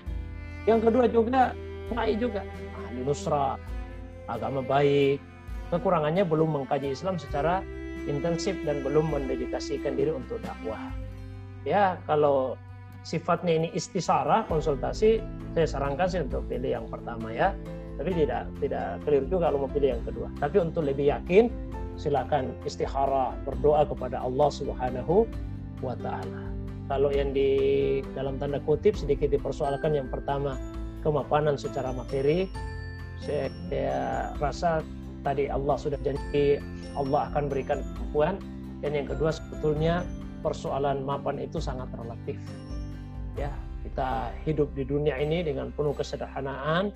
Insya Allah persoalan harta akan uh, bisa kita atasi. Tapi kalau masalah agama yang bermasalah persoalan agama ini yang, yang punya masalah maka uh, biasanya itu akan sangat menggelisahkan diri kita meskipun punya banyak harta tapi kalau pemahaman agama tidak begitu mantap masalah sedikit saja itu bisa menjadi uh, rumit sayangnya.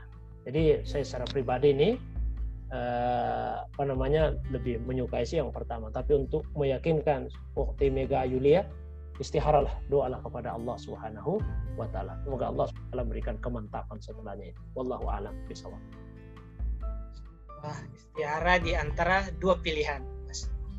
Kita lanjut start di uh, pertanyaan selanjutnya dari Nasiroh Mahmud. Hmm. Assalamualaikum Ustaz. Waalaikumsalam. E, bagaimanakah tolak ukur seseorang yang baik agamanya? E, adakah dari sholatnya atau tentang pemahamannya e, berkaitan dengan agama ataukah tentang hafalan Qur'annya? Syukran jazakallah khair Ustaz. Baik. Oh, ini kalau saya lihat dari nama yang tanya ini murid saya dulu di pesantren yang sekarang ada di Mesir, untuk ilmu di Mesir, di Al Azhar sampai ke Mesir ternyata ya nah, acara kita ini. Baik, Waalaikumsalam warahmatullahi wabarakatuh. Bagaimana tolok ukur ya kriteria ukuran seseorang yang baik agamanya apakah dari sholatnya atau pemahamannya tentang agama atau hafalan Al-Qur'annya semua yang disampaikan itu benar dan ukur semua kita manusia ini hanya bisa menilai yang apa yang kelihatan kita tidak tahu apa yang ada di dalam hati. Meskipun Nabi sampaikan begini, at-taqwa hahuna. Nabi itu at-taqwa hahuna. Takwa itu di sini. Wa yusiru ila sadri samarrat. Dan beliau kemudian menunjuk ke hatinya tiga kali. Tapi takwa di dada. Tapi kita tidak tahu itu isi hati. Yang bisa kita nilai adalah yang nampak di luar. Maka yang kita nilai kriteria itu yang kelihatan. Maka ukuran ketakwaan itu di dalam Al-Quran yang disebutkan itu yang terlihat di antaranya yang paling banyak itu disebut yang terlihat seperti masalah salat lima waktu itu harga mati lah ya salatnya mesti terjaga mesti terjaga di Al-Quran disebutkan Alif lam min zalikal kitabul la raiba fihi dalil muttaqin alladzina yu'minuna bil ghaib wa yuqimuna shalah. Mesti dia jaga salatnya dengan baik.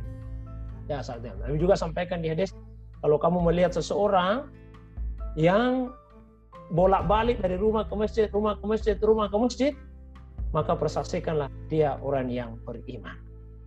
Kalau salatnya bisa dia jaga, perintah Allah dia jaga, insya Allah menjaga istrinya lebih mudah baginya.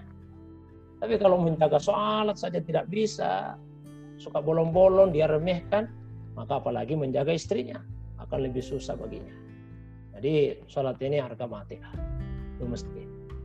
Kemudian eh, pemahaman agama, pengetahuannya, ya, sakafanya. Dia punya sakafa, paling tidak sakafa-sakafa yang dasar. Ya, sakafa-sakafa yang dasar. Karena jangan sampai pemahamannya itu melenceng dari uh, akidah al-sunnah wal, wal jamaah. Dari akidah para sahabat Nabi SAW, para ulama salafus saleh yang terdahulu. Kita lihat pemahamannya.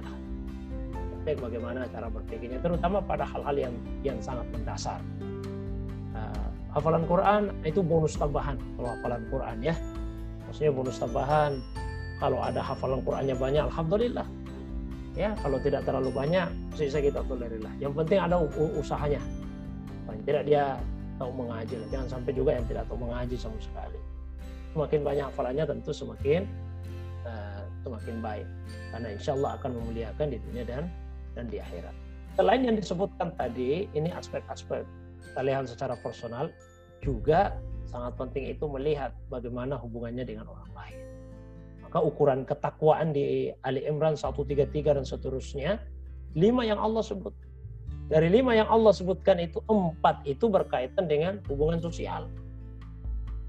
Siapa itu satu? Alladzina yunfikuna fis sarai Yang selalu berinfak, baik dia lapang atau dia susah. Dia suami yang dermawan, cari itu laki-laki yang dermawan. Pernah ada seorang perempuan datang ke Nabi, bil amr oleh dua orang. Dan Nabi sampaikan eh, hal-hal yang negatif pada dua itu kata Rasul. Kalau yang ini orangnya suka memukul, kalau yang ini dia kikir. Ya, mana yang mau kupilih? Yang suka memukul atau yang kikir? Artinya Nabi itu sebetulnya arahkan supaya milih yang ya yang apa namanya yang tidak kikir dan juga dia tidak suka memukul dia penyayang ya, jadi bagaimana supaya dia dermawan Kemudian qaziminal ghair yang bisa kendalikan emosinya, tidak pemarah. Coba lihat saja dalam kehidupan keseharian gimana. Ini orangnya temperamental tidak, pemarah tidak. Karena perempuan itu kan dia selalu ingin diperlakukan dengan lembut. Dan Nabi memang perintahkan begitu di hadis. Irfaq bil qawarir. Lembutlah kepada gelas-gelas kaca. Lembutlah kepada gelas-gelas kaca. Siapa itu gelas-gelas kaca perempuan? khususnya istri. Diserupakannya perempuan itu dengan gelas kaca dan Nabi sampaikan lembut kepada gelas-gelas kaca. Gelas kaca kalau sudah pecah, jangankan pecah retak saja, susah untuk dibuat utuh kembali. Apalagi hati perempuan. Maka pilih suami yang terima suami yang kasih minal baik yang bisa kendalikan emosi, tidak temperamental, tidak pemarah. Afina pemaaf. Supaya kalau istrinya melakukan kesalahan dia mudah memaafkan kesalahan istrinya. Tidak pendendam kepada istri sendiri.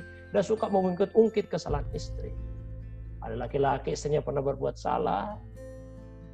Di masa lalu. 10 tahun kemudian masih diungkit terus. Ada persoalan lain masih dibicarakan itu. Sebaliknya juga demikian ya perempuan. Tapi karena yang bertanya ini perempuan saya bahas tentang laki-laki. Ya. kemudian laki-laki yang ihsan.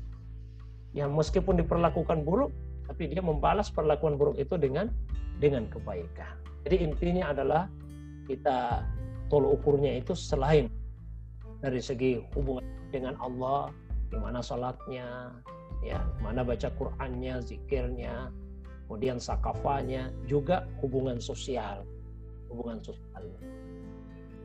Dan yang terpenting lagi yaitu komitmennya terhadap dakwah ini.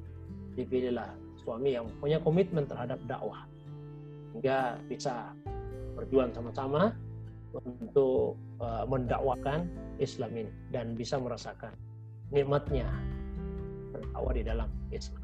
Barangkali itu. Allah Saya, saya doakan ya.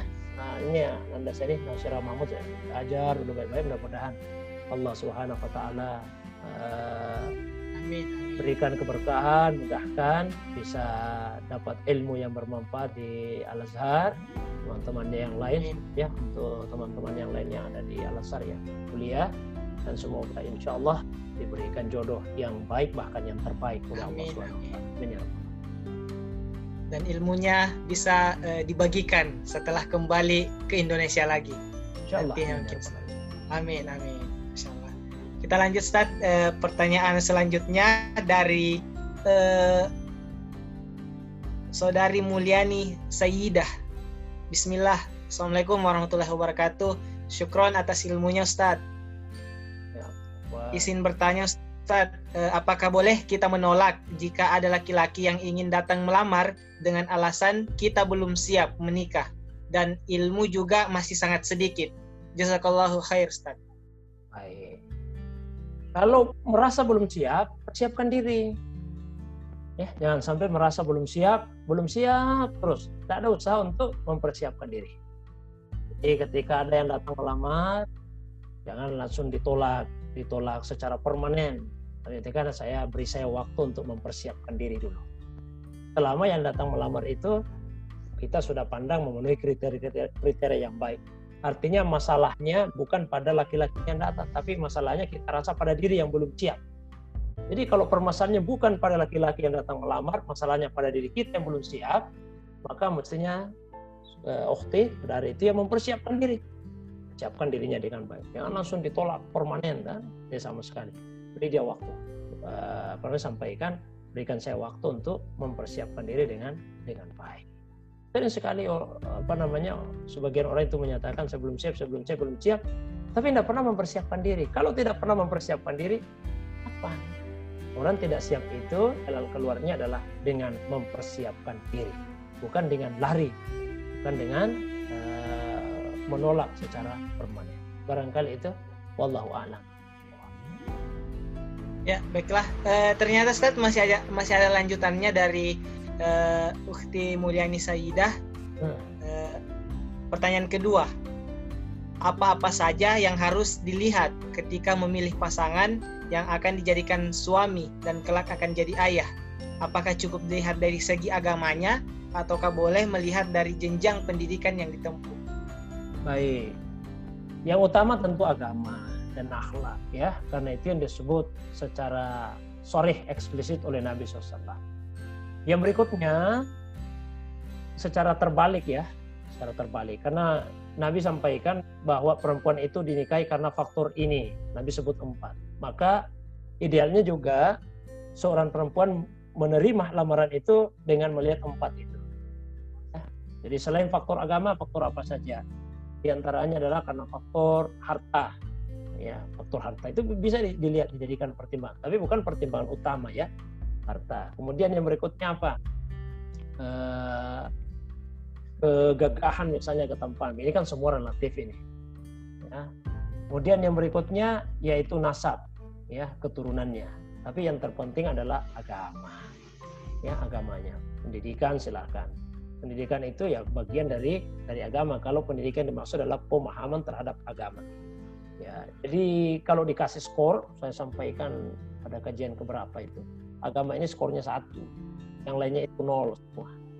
Artinya meskipun pendidikan tinggi, kemudian kaya raya, keturunan bangsawan lagi, gagah, lebih gagah daripada artis Korea sekalipun, tapi agamanya tidak ada, itu skornya nol, nol, nol, nol, nol. Berapapun banyaknya nol, tidak ada angka di depannya, tidak ada nilai.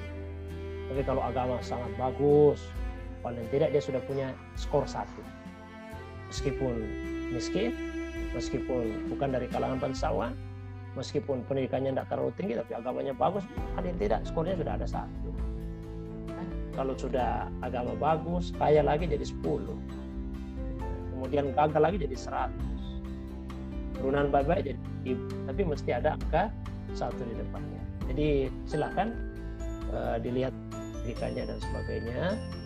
Hati-hati juga ya. Saya hati-hati sih jangan sampai ini yang terlalu tinggi pendidikannya kemudian sebagai istri tidak terlalu jomplang terlalu apa namanya terlalu jauh gapnya. Nanti komunikasinya jadi susah. Komunikasinya jadi susah. Meskipun pendidikan itu tidak tidak menentukan bahwa yang ya apa namanya sudah pasti komunikasinya jauh lebih baik daripada yang ikut pendidikan ada juga yang tidak ikut secara formal tapi karena dia hmm. suka bergaul ya luas ya. pergaulannya dan sebagainya akhirnya dia komunikasinya baik. Yang terpenting di sini adalah kemampuan untuk saling berkomunikasi. Karena susah juga kalau dalam rumah tangga itu diam-diaman pakai bahasa isyarat saja dan sebagainya. Itu namanya rumah tangga perlu komunikasi yang dipakai barangkali itu. Wallahu a'lam. Uh, Masya Allah ya teman-teman. Uh, jawaban dari Ustadz ini waktu kita sudah berlangsung selama kurang lebih dua jam nih Ustadz. Nah, e, karena pertanyaan ini juga semakin banyak, mungkin kita batasi eh, dua sampai tiga pertanyaan ke depannya, Ustaz ya, agar iya. kemudian e, waktunya bisa kita maksimalkan. Dan bagi teman-teman, saya lihat tadi ada beberapa pertanyaan itu mungkin sudah dijawab ya oleh e, Kiai. E, beberapa pertanyaan di atas juga sama ya, teman-teman. Jadi silahkan dicek-cek saja e, jawabannya nanti, insya Allah akan tayang juga di YouTube seperti itu. Nah, Eh, kita beralih ke pertanyaan selanjutnya dari uh, saudari Melsa Atsawati. Bismillah, Assalamualaikum Ustaz. Waalaikumsalam. Saya mau bertanya, selain mulai memulai untuk istikharah, eh, bagaimana cara meyakinkan hati kepada seseorang yang mempunyai niat baik datang melamar kita? Sukron jazakallah Ustaz. Baik. Ya. Tapi hati itu sifatnya mudah berubah, bolak-balik. Itulah sebabnya dalam bahasa Arab hati disebut dengan qalbun. Bahasa Arabnya hati qalbun. Sumyal qalbu litaqallubihi. Hati itu dalam bahasa Arab disebut dengan qalbu karena takallubnya. Ya, karena takallubnya, sukanya untuk berubah-ubah. Nah, sehingga kita butuh tadi yang paling utama udah disebut doa sama Allah SWT. Allahumma ya muqallibal qulub, sabbit qalbi ladini. Ya Allah wahai zat yang maha membolak-balikan hati, tetapkan hatiku di atas agamamu. Kalau sifatnya karena pilihan, pilihan jodoh, ya tetapkan hati atas pilihan tersebut. Kalau itu sesuatu yang mendatangkan kebaikan. Selain dengan doa kepada Allah SWT, yang bisa mendatangkan ketenangan hati itu adalah dengan konsultasi tadi kepada orang-orang yang terpercaya, yang punya pengalaman, itu bisa menentramkan hati kita. Awalnya kita ragu-ragu, kemudian dapat support, dapat dukungan dari orang-orang yang punya ilmu, yang punya pengalaman, yang kita percayai. Ya, tapi jangan juga sembarang orang. Ya. Ya jadi pilih orang yang punya ilmu atau pengalaman. Yang punya ilmu punya pengalaman, lebih-lebih kalau punya dua-duanya, punya ilmu dan pengalaman dalam uh, menata hati tersebut. Insya Allah dengan banyak kita berkonsultasi kepada yang seperti itu sifatnya, punya ilmu tentang hati, punya pengalaman bagaimana menata hati, maka hati kita akan bisa lebih lebih istiqamah dalam kebaikan. Kemudian saran saya juga, kalau menyukai seseorang, jangan terlalu full, jangan terlalu berlebihan. Sebaliknya juga, kalau tidak suka, jangan juga terlalu berlebihan, jangan terlalu full. Jadi ingatkan dalam hadis, Habib Habibah kahaunan mah. Kalau ada yang kamu cintai, yang kamu sukai, sekedarnya saja asa ayakuna baqidaka yauman ma. Karena boleh jadi yang kamu suka hari ini justru menjadi musuhmu, menjadi orang yang kamu benci suatu hari kelak. Wa bagidaka haunan ma. Kalau ada yang dibenci, benci sekedarnya juga. Asa ayakuna habibaka yauman ma. Boleh jadi suatu hari nanti justru dia akan menjadi kekasihmu. Jadi hati itu mencintai makhluk, tak boleh terlalu terlalu full dalam kecintaan tersebut. Kemudian yang berikutnya lakukan kebaikan-kebaikan dan ketika melakukan kebaikan tersebut ternyata hati ini lebih mantap untuk menerima misalnya maka insya Allah itu syarat dari Allah. Kalau ternyata ada keserasian ini. Tapi ternyata sebaliknya semakin melakukan kebaikan semakin baca Al-Quran semakin berzikir semakin rajin ikut kajian dakwah dan sebagainya oh rasa-rasanya semakin menjauh. Ya laki-laki tersebut dari hati dari pikiran itu sinyal dari Allah. Bahwa boleh jadi dia tidak akan mendukung nanti dalam aktivitas dakwanya dalam kebaikan yang dilakukan karena kalau sama frekuensinya itu insya Allah akan selalu berdekatan frekuensi yang sama sama-sama kebaikan dakwah ikut kajian ya baca Quran dan sebagainya itu kebaikan kalau yang laki-laki itu yang akan mendatangkan kebaikan, mestinya frekuensinya sama, ada kedekatan. Tapi kalau berjauhan, definisinya bahwa frekuensinya boleh jadi berbeda. Barangkali wallahu a'lam Insya Allah ya, teman-teman. Eh, selanjutnya Stad mungkin beberapa lagi eh, dari saudari eh, saudara Denny Haryanto. Izin bertanya Stad, dalam ta'aruf hal-hal apa saja yang harus kita tanyakan kepada calon dan kepada orang tuanya. Eh, apabila or orang tua mensyaratkan si calon harus tinggal bersama orang tua karena saya anak terakhir, bagaimana Ustaz? Dan dan ada budaya bahwa anak terakhir jika menikah dengan anak terakhir maka rumah tangganya akan susah. Apakah betul dengan uh, mitos demikian Ustaz? Baik. Silahkan. Ya. Kedua ya. Satu. Kalau orang tua mensyaratkan calon istri nanti tinggal bersama itu bagaimana ya jadi persyaratan dalam pernikahan itu kan ada tiga ya ada tiga satu persyaratan yang boleh ya persyaratan yang boleh-boleh saja tidak tidak dilarang ya lah kita karena tidak bertentangan dengan substansi pernikahan sama sekali tidak ada pertentangan dengan pernikahan seperti persyaratan boleh dinikahi istri tinggal bersama. Itu boleh saja, tidak ada masalah. Nah, yang kedua yaitu persyaratan yang tidak boleh. Persyaratan yang tidak boleh itu kalau bertentangan dengan substansi pernikahan. kalau misalnya dipersyaratkan kamu boleh menikah dengan perempuan itu tapi dengan syarat kamu tidak pernah mohon maaf tidak pernah sama-sama. Tidak pernah tidur sama-sama. Oh iya bertentangan substansi pernikahan. Oh tidak pernah tidur sama-sama tidak pernah melakukan seksual. Itu apa pernikahan itu? Ini persyaratan yang tidak boleh. Ada persyaratan yang beda pendapat ulama kita. Saya sudah pernah jelaskan yang lalu itu. Misalnya ada yang mensyaratkan tidak poligami dan sebagainya. Nah, jadi kalau yang ditanyakan ini boleh ya. Boleh kalau orang tua saudara Deni mensyaratkan bahwa calon istrinya itu harus tinggal bersama, silahkan disampaikan saja kepada keluarga pihak perempuan. Nah, kalau sejak awal tidak ada kesepakatan dalam hal tersebut, maka tentu perlu dipertimbangkan baik-baik. Yang kedua, apa benar anak terakhir jika menikah dengan anak terakhir maka rumah tangganya akan susah? Wah, tidak ada, tidak ada dalam agama. Ada anak terakhir menikah dengan anak terakhir, rumah tangganya tenang, tentram, rukun. Ada anak sulung menikah dengan anak bungsu, rumah tangganya bermasalah jadi tidak menentukan, ya tidak menentukan posisi sebagai anak keberapa terhadap uh, rukun, tentram atau susahnya rumah tangga tersebut. Yang menentukan adalah personnya orangnya. Mau anak keberapa pun masalah itu bisa ada dan pasti ada dalam rumah tangga. Insya Allah kita akan mungkin ada sesi khusus ya. Uh, karena yakinlah semua rumah tangga pasti ada masalahnya. Tidak ada itu rumah tangga yang tidak punya masalah. Kalau saat ini saya bertanya kepada ahbab sekalian, apakah di antara yang hadir ini ada yang tidak punya masalah dengan pasangan hidup, kemudian ada yang menjawab ada, maka kemungkinannya dua. Kemungkinan pertama, dia belum menikah. Karena belum menikah, belum punya masalah dengan pasangan hidup. Yang kedua, kalau ada yang menjawab tidak ada padahal sudah menikah, itu artinya dia tidak peka dengan masalah. Sebetulnya ada masalah itu cuma tidak peka saja. Karena dalam rumah tangga tentu ada masalah besar atau kecil. Tapi masalah itu tidak ditentukan oleh posisi sebagai anak keberapa dalam rumah tangga. Barangkali itu ya, Allah alam Ini satu pertanyaan terakhir ya. Ya, Ustaz.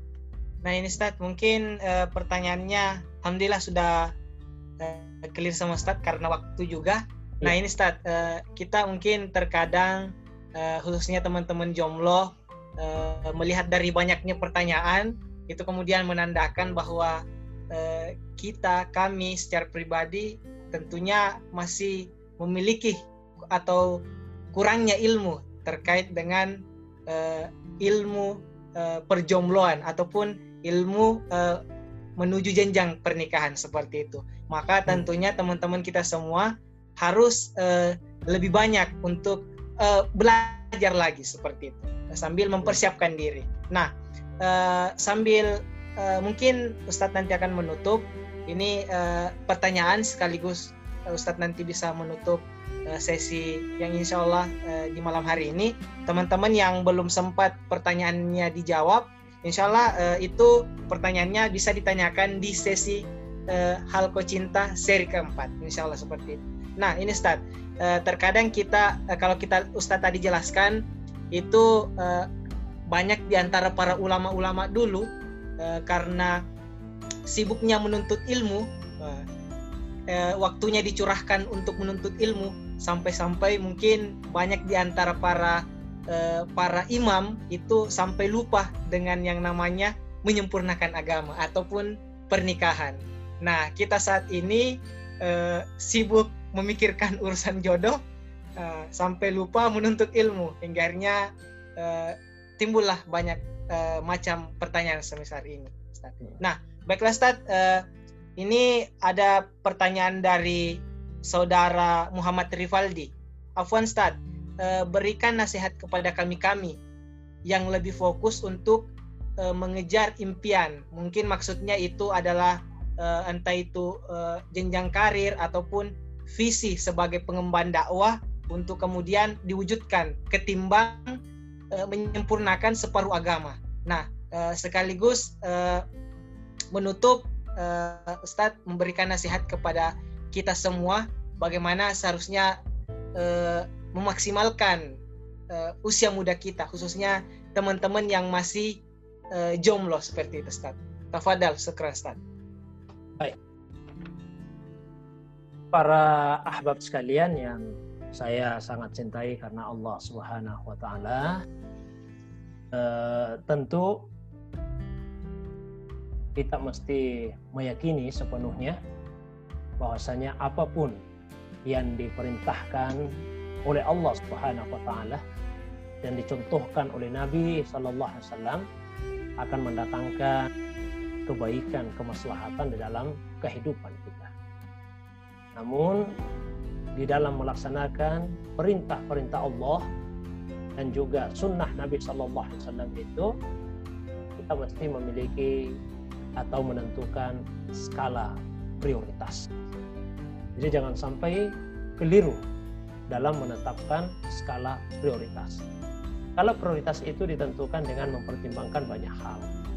Di antaranya tentu saja adalah besar kecilnya ya, pengaruh kebaikan. Semuanya baik. Tapi ada yang besar sekali pengaruh kebaikannya, ada yang kecil pengaruh kebaikannya. Yang kedua, skala prioritas itu ditentukan dengan melihat waktu. Melihat waktu. Kalau misalnya yang masih jomblo dan mulai bicara tentang poligami kan tidak sesuai dengan waktunya ini. Oh menikah saja belum, sudah bicara sampai melangkahi seperti itu.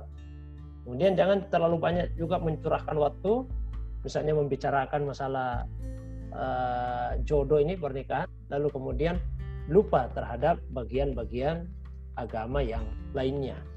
Ya, jadi tentukanlah skala prioritas, keseimbangan di dalam uh, menuntut ilmu tersebut. Saya bersyukur sekali ya dalam memberikan kajian-kajian itu. Dan diberikan kajian yang serius sekali, kajian hadis, hadis-hadis tentang dan seterusnya yang mengurus banyak energi. Ya, kadang juga uh, tentang persoalan uh, cinta, persoalan jodoh seperti ini sehingga saya pernah berkelakar sama di Hair ini saya khawatir jangan sampai nanti kalau udah sampai beberapa edisi khawatir yang baik ya. Biasanya panitia itu tulis meskipun tidak pernah saya minta ya, ditulis pakar hadis, jangan-jangan nanti ditulisnya jadi pakar hati atau pakar cinta kalau keseringan mengisi tentang hal cinta. Tapi bagaimanapun juga namanya skala prioritas dalam kehidupan itu ada. Ya, jangan terlalu terbebani dengan persoalan jodoh ini. Silakan pantaskan diri saja, ambil ilmu yang kita butuhkan tentang jodoh dan selebihnya insya Allah Allah Subhanahu wa taala yang akan memberikan jalannya kepada kita yang penting sungguh-sungguh. Jadi fokuslah untuk uh, urusan dakwah ya untuk ilmu ini dan insya Allah mudah-mudahan Allah Subhanahu wa taala selalu mencurahkan limpahan rahmatnya kepada kita semua. Barangkali itu sekaligus nasihat bagi kita semua. Mudah-mudahan ada manfaatnya. Saya akhiri dengan ucapan Assalamualaikum warahmatullahi wabarakatuh. Waalaikumsalam warahmatullahi wabarakatuh. Masya Allah teman-teman uh, luar biasa ya penjelasan dari uh, Kiai Haji Sari Nuhun. Insya Allah itu uh, men sangat mencerahkan kita terkait uh, persoalan kejombloan yang sedang kita hadapi. Bagaimana kemudian langkah-langkah yang harus kita uh, lakukan ke depannya dan insya Allah ketika kita mengetahuinya apa yang kemudian dijelaskan oleh Ustadz tadi itu ke depannya akan uh, insya Allah menjadi sebuah kebahagiaan. Nah seperti itu. Nah uh, teman-teman saya lihat karena masih semangat, uh, insya Allah semangatnya disimpan untuk pertemuan di Halko Cinta seri keempat. Insya Allah uh, kita akan bertemu mengingat juga waktu yang uh, sudah lewat pukul 10 malam ya, waktu-waktu istirahat. Nah, insya Allah teman-teman Eh, kami ucapkan banyak terima kasih kepada Ustadz Zahrin Nuhun. Salam takzim. Uh, insya Allah ilmunya sangat bermanfaat Ustadz. Uh, teman-teman juga semua uh, panitia yang telah hadir membersamai kita di malam hari ini. Insya Allah uh, kita berada dalam uh, apa namanya memberikan waktu-waktu kita dalam hal-hal kebaikan. Insya Allah. Nah, semoga kita bisa dipertemukan lagi di di seri 4 nantinya. Insya Allah ditunggu saja kabar baiknya seperti itu. Nah, eh, baiklah sebelum kita tutup, marilah kita sama-sama senantiasa dan selalu eh, memperbanyak beristighfar. Dan kita akhiri dengan membaca doa kafaratul majelis agar kemudian eh, ilmu yang kita dapatkan itu menjadi berkah. Subhanakallahumma wa bihamdik, asyhadu an la ilaha illa anta, astaghfiruka wa atubu ilaik. Assalamualaikum warahmatullahi wabarakatuh. Assalamualaikum. Sampai ketemu Ustadz, teman-teman semua. Insya Allah. Insyaallah. Ya, Insya Allah pekan depan ya. Mudah-mudahan tidak.